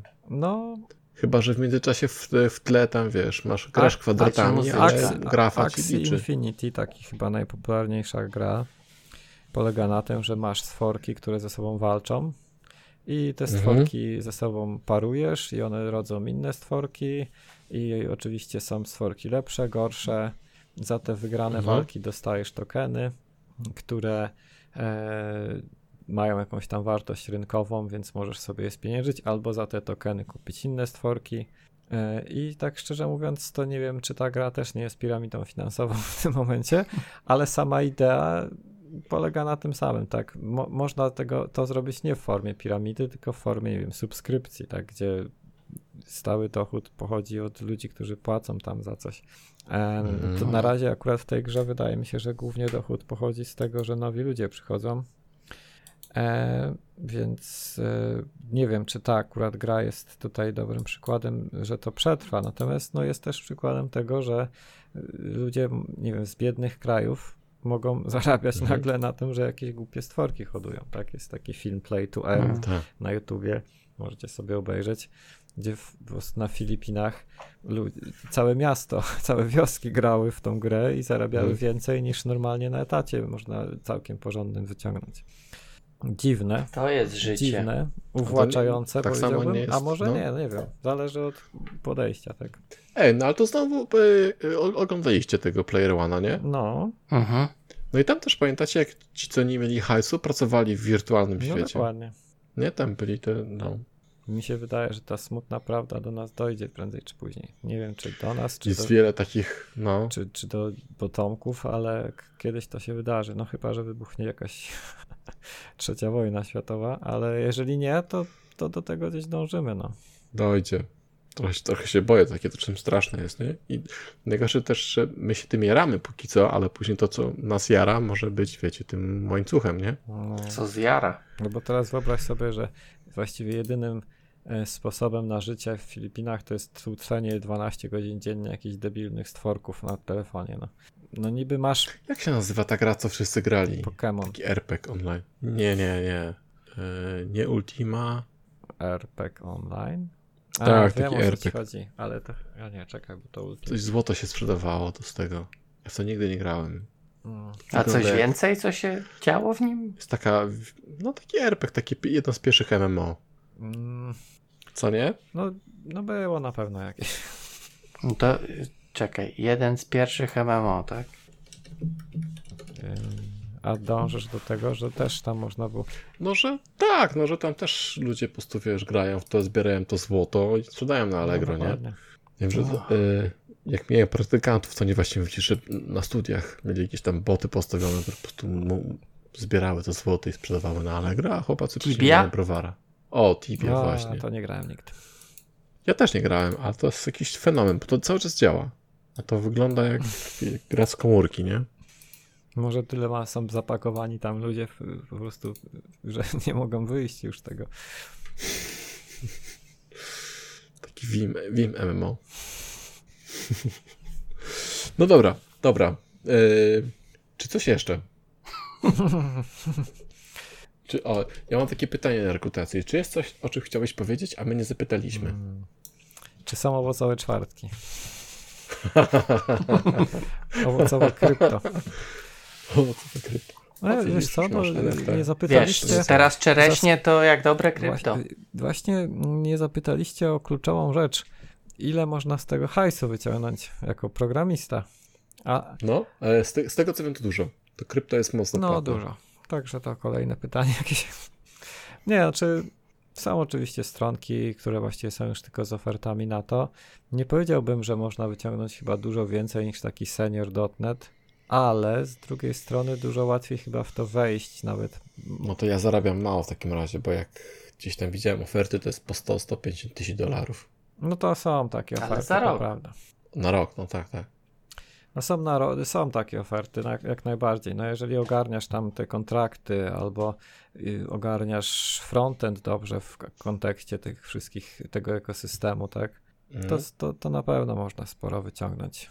W ogóle to mi się wydaje, że to taki jest nowy świat, którego nie rozumiemy do końca, gdzie na dotnecie zapisuje się raptem 10 osób i przychodzi 5, a na Mhm. meetup o Web3 przyjdzie z 50 i, i faktycznie przyjdzie tam, nie wiem, 40. Na zasadzie nowa rzecz przyciągnęła do, dużo młodych ludzi, tak? Nie wiem na ile oni dobrze rozumieją też to wszystko, ale na pewno przyciąga to. E, Mhm. Czy to pieniędzmi, czy w ogóle, że fajne.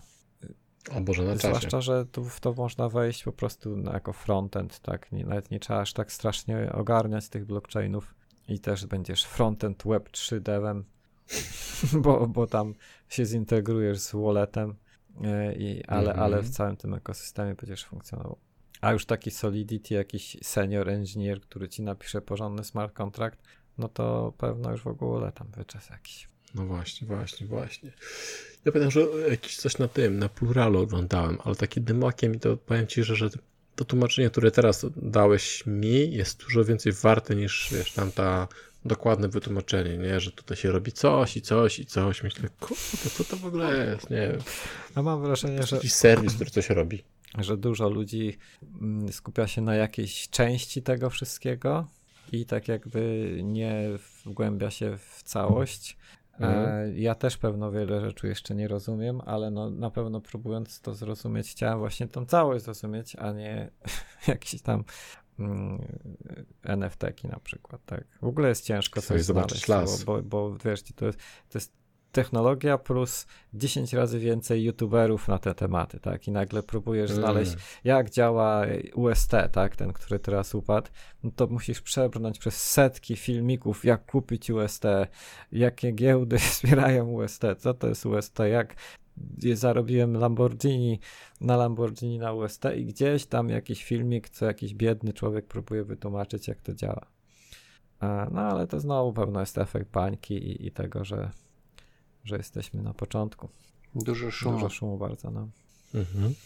Więc e, wydaje mi się, że jakby ktoś się zastanawiał, czy chce w to wejść, to pewno warto spróbować, jeżeli się dopiero zastanawia. Nie wiem, czy warto rzucać jakiś tam obecny Etat? etat, żeby w to wejść, e, chyba, że się ma dość. Natomiast na pewno nie jest tak, że, że to nie ma przyszłości, moim zdaniem. To na pewno zmieni formę y, i technologię. Nawet nie wiemy, czy Ethereum nie będzie za 10 lat używane, no ale okej, no ale będziesz miał całe to doświadczenie tej drogi i będziesz Tak. używał tych nowych technologii. Tak jest. I tym Nie pozytywnym będziesz late nie adopterem. będziesz lay adopterem, tylko tym early, który będzie nauczał ludzi.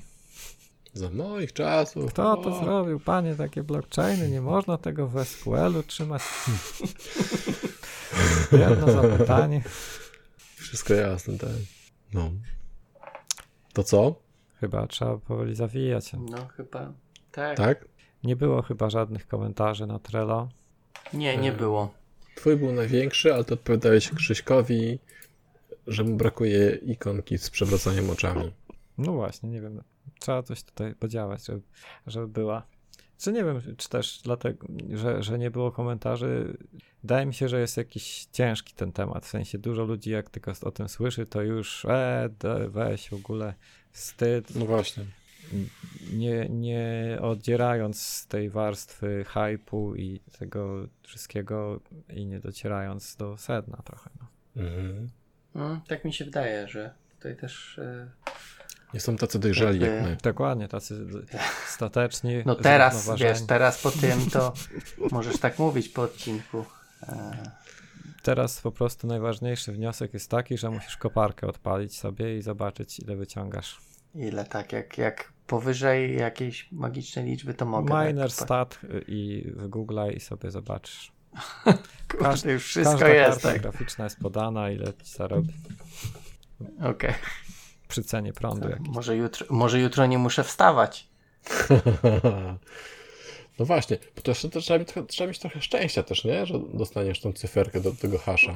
No trzeba, rzeczywiście. Teoretycznie powinno być sprawiedliwie, ale kto to tam wie. Życie. Ciągną wszystko z rzeczywistości w, re, w tą Tak. wie, A, wiarkę. muszę, muszę konto założyć. Wszędzie konto. założyć. Wszędzie dane chcą wyciągnąć. Konto na Minerstacie? No, Niemożliwe. bo jak mam, mam tylko jedną kartę pod... A czekaj, tu może edit. Aha, jakbym chciał porównać. Okej, dobra. To m- muszę wtedy konto. No to powiedz. RTX. RTX 3080 Ti wyczes. Nie wiem. E, jakiś filtr. Nie no, zazdroszczę. Czekam, coś czekam mi- aż ten proof of stake wejdzie, to sobie wreszcie kupię kartę graficzną. Ja chyba nie umiem tego używać. Hmm. Ja, Mo, może, może jestem za głupi na krypto. Minerstat. Zaraz ci Add sprawdzę. hardware, Nvidia. A dobra, dobra, czekaj. 80 Ti. Kalkulator. Okej. I nie wiem, empty dataset. My dataset. Add hardware. Delete. Potem, a co, co klikasz? Mining calculator. Tak, Mining Profitability Calculator. No i dodałeś 3080 Ti Tak, i nie pojawiła ci się lista coinów razem z reward. nie, pusto. O, widzisz. No to, Fill the dataset with the hardware. no to powiem ci, że hardware. tak na szybko widzę, że byłeś w stanie wy, wyciągnąć dolara 60 dzień. Na dzień? Na dzień. No To to chyba Po, po odliczeniu, po odliczeniu e, prądu. No ale razy 30 to masz aż 100 miesięcznie. Złotych.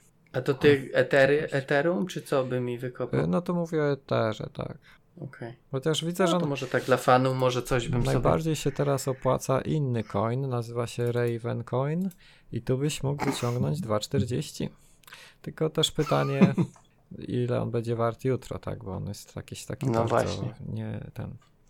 Niestabilny. No, no, także musisz sobie przeliczyć, czy etat już rzucać, czy. Czy, czy, jeszcze, czy jeszcze trochę? No. O, Jarek też sprawdza. Ej, no tak, ale tu jest napisane, że jak będziesz kopał tego Wolara, to masz 3 dolki dziennie. Prawie 4. E, Wolara nie widzę. E, a, Nanopool masz za 3 dolki. Tu Miners A, no 3 tak, dolki. tak. Dużo jest takich. znaczy ja mam 2,30, ale to może się. Może inną kartę podałeś. Ja mam RTX 3070. A, 3070 szczęściarz. Ja nie powiem, co mam. Albo 80, nie wiem czy. E, Jest też kwestia, bo tam są przez to całe zamieszanie wyszły te karty z ograniczeniem ilości kopania, tak? Tak, Więc hashem. pytanie, którą masz. Ale to, to przecież to, to jest sprawa sp- software'owa, nie? No tak, tam jakieś były haki chyba. Nie oszukujmy się. To ja nie, ja nie wiem, czemu on mi tu... O, czekaj, teraz coś mi, no, pokazał mi. Słuchacze podcastu będą, kiedy oni skończą w końcu. Tak. No dobra, no to takim No. oto miner statystycznym akcentem kończymy 84 odcinek podcastu Ostra Piła. Żadna ta Ten, którym- informacja nie była radą, inwest, poradą inwestycyjną. Dobrze, tak, ale kupujcie cebuliony. I za mikrofonów żegnają się Paweł Kasik. Konrad Kokosa. i Jarek Stadnicki. O kurczę, to ja też zrobię stop.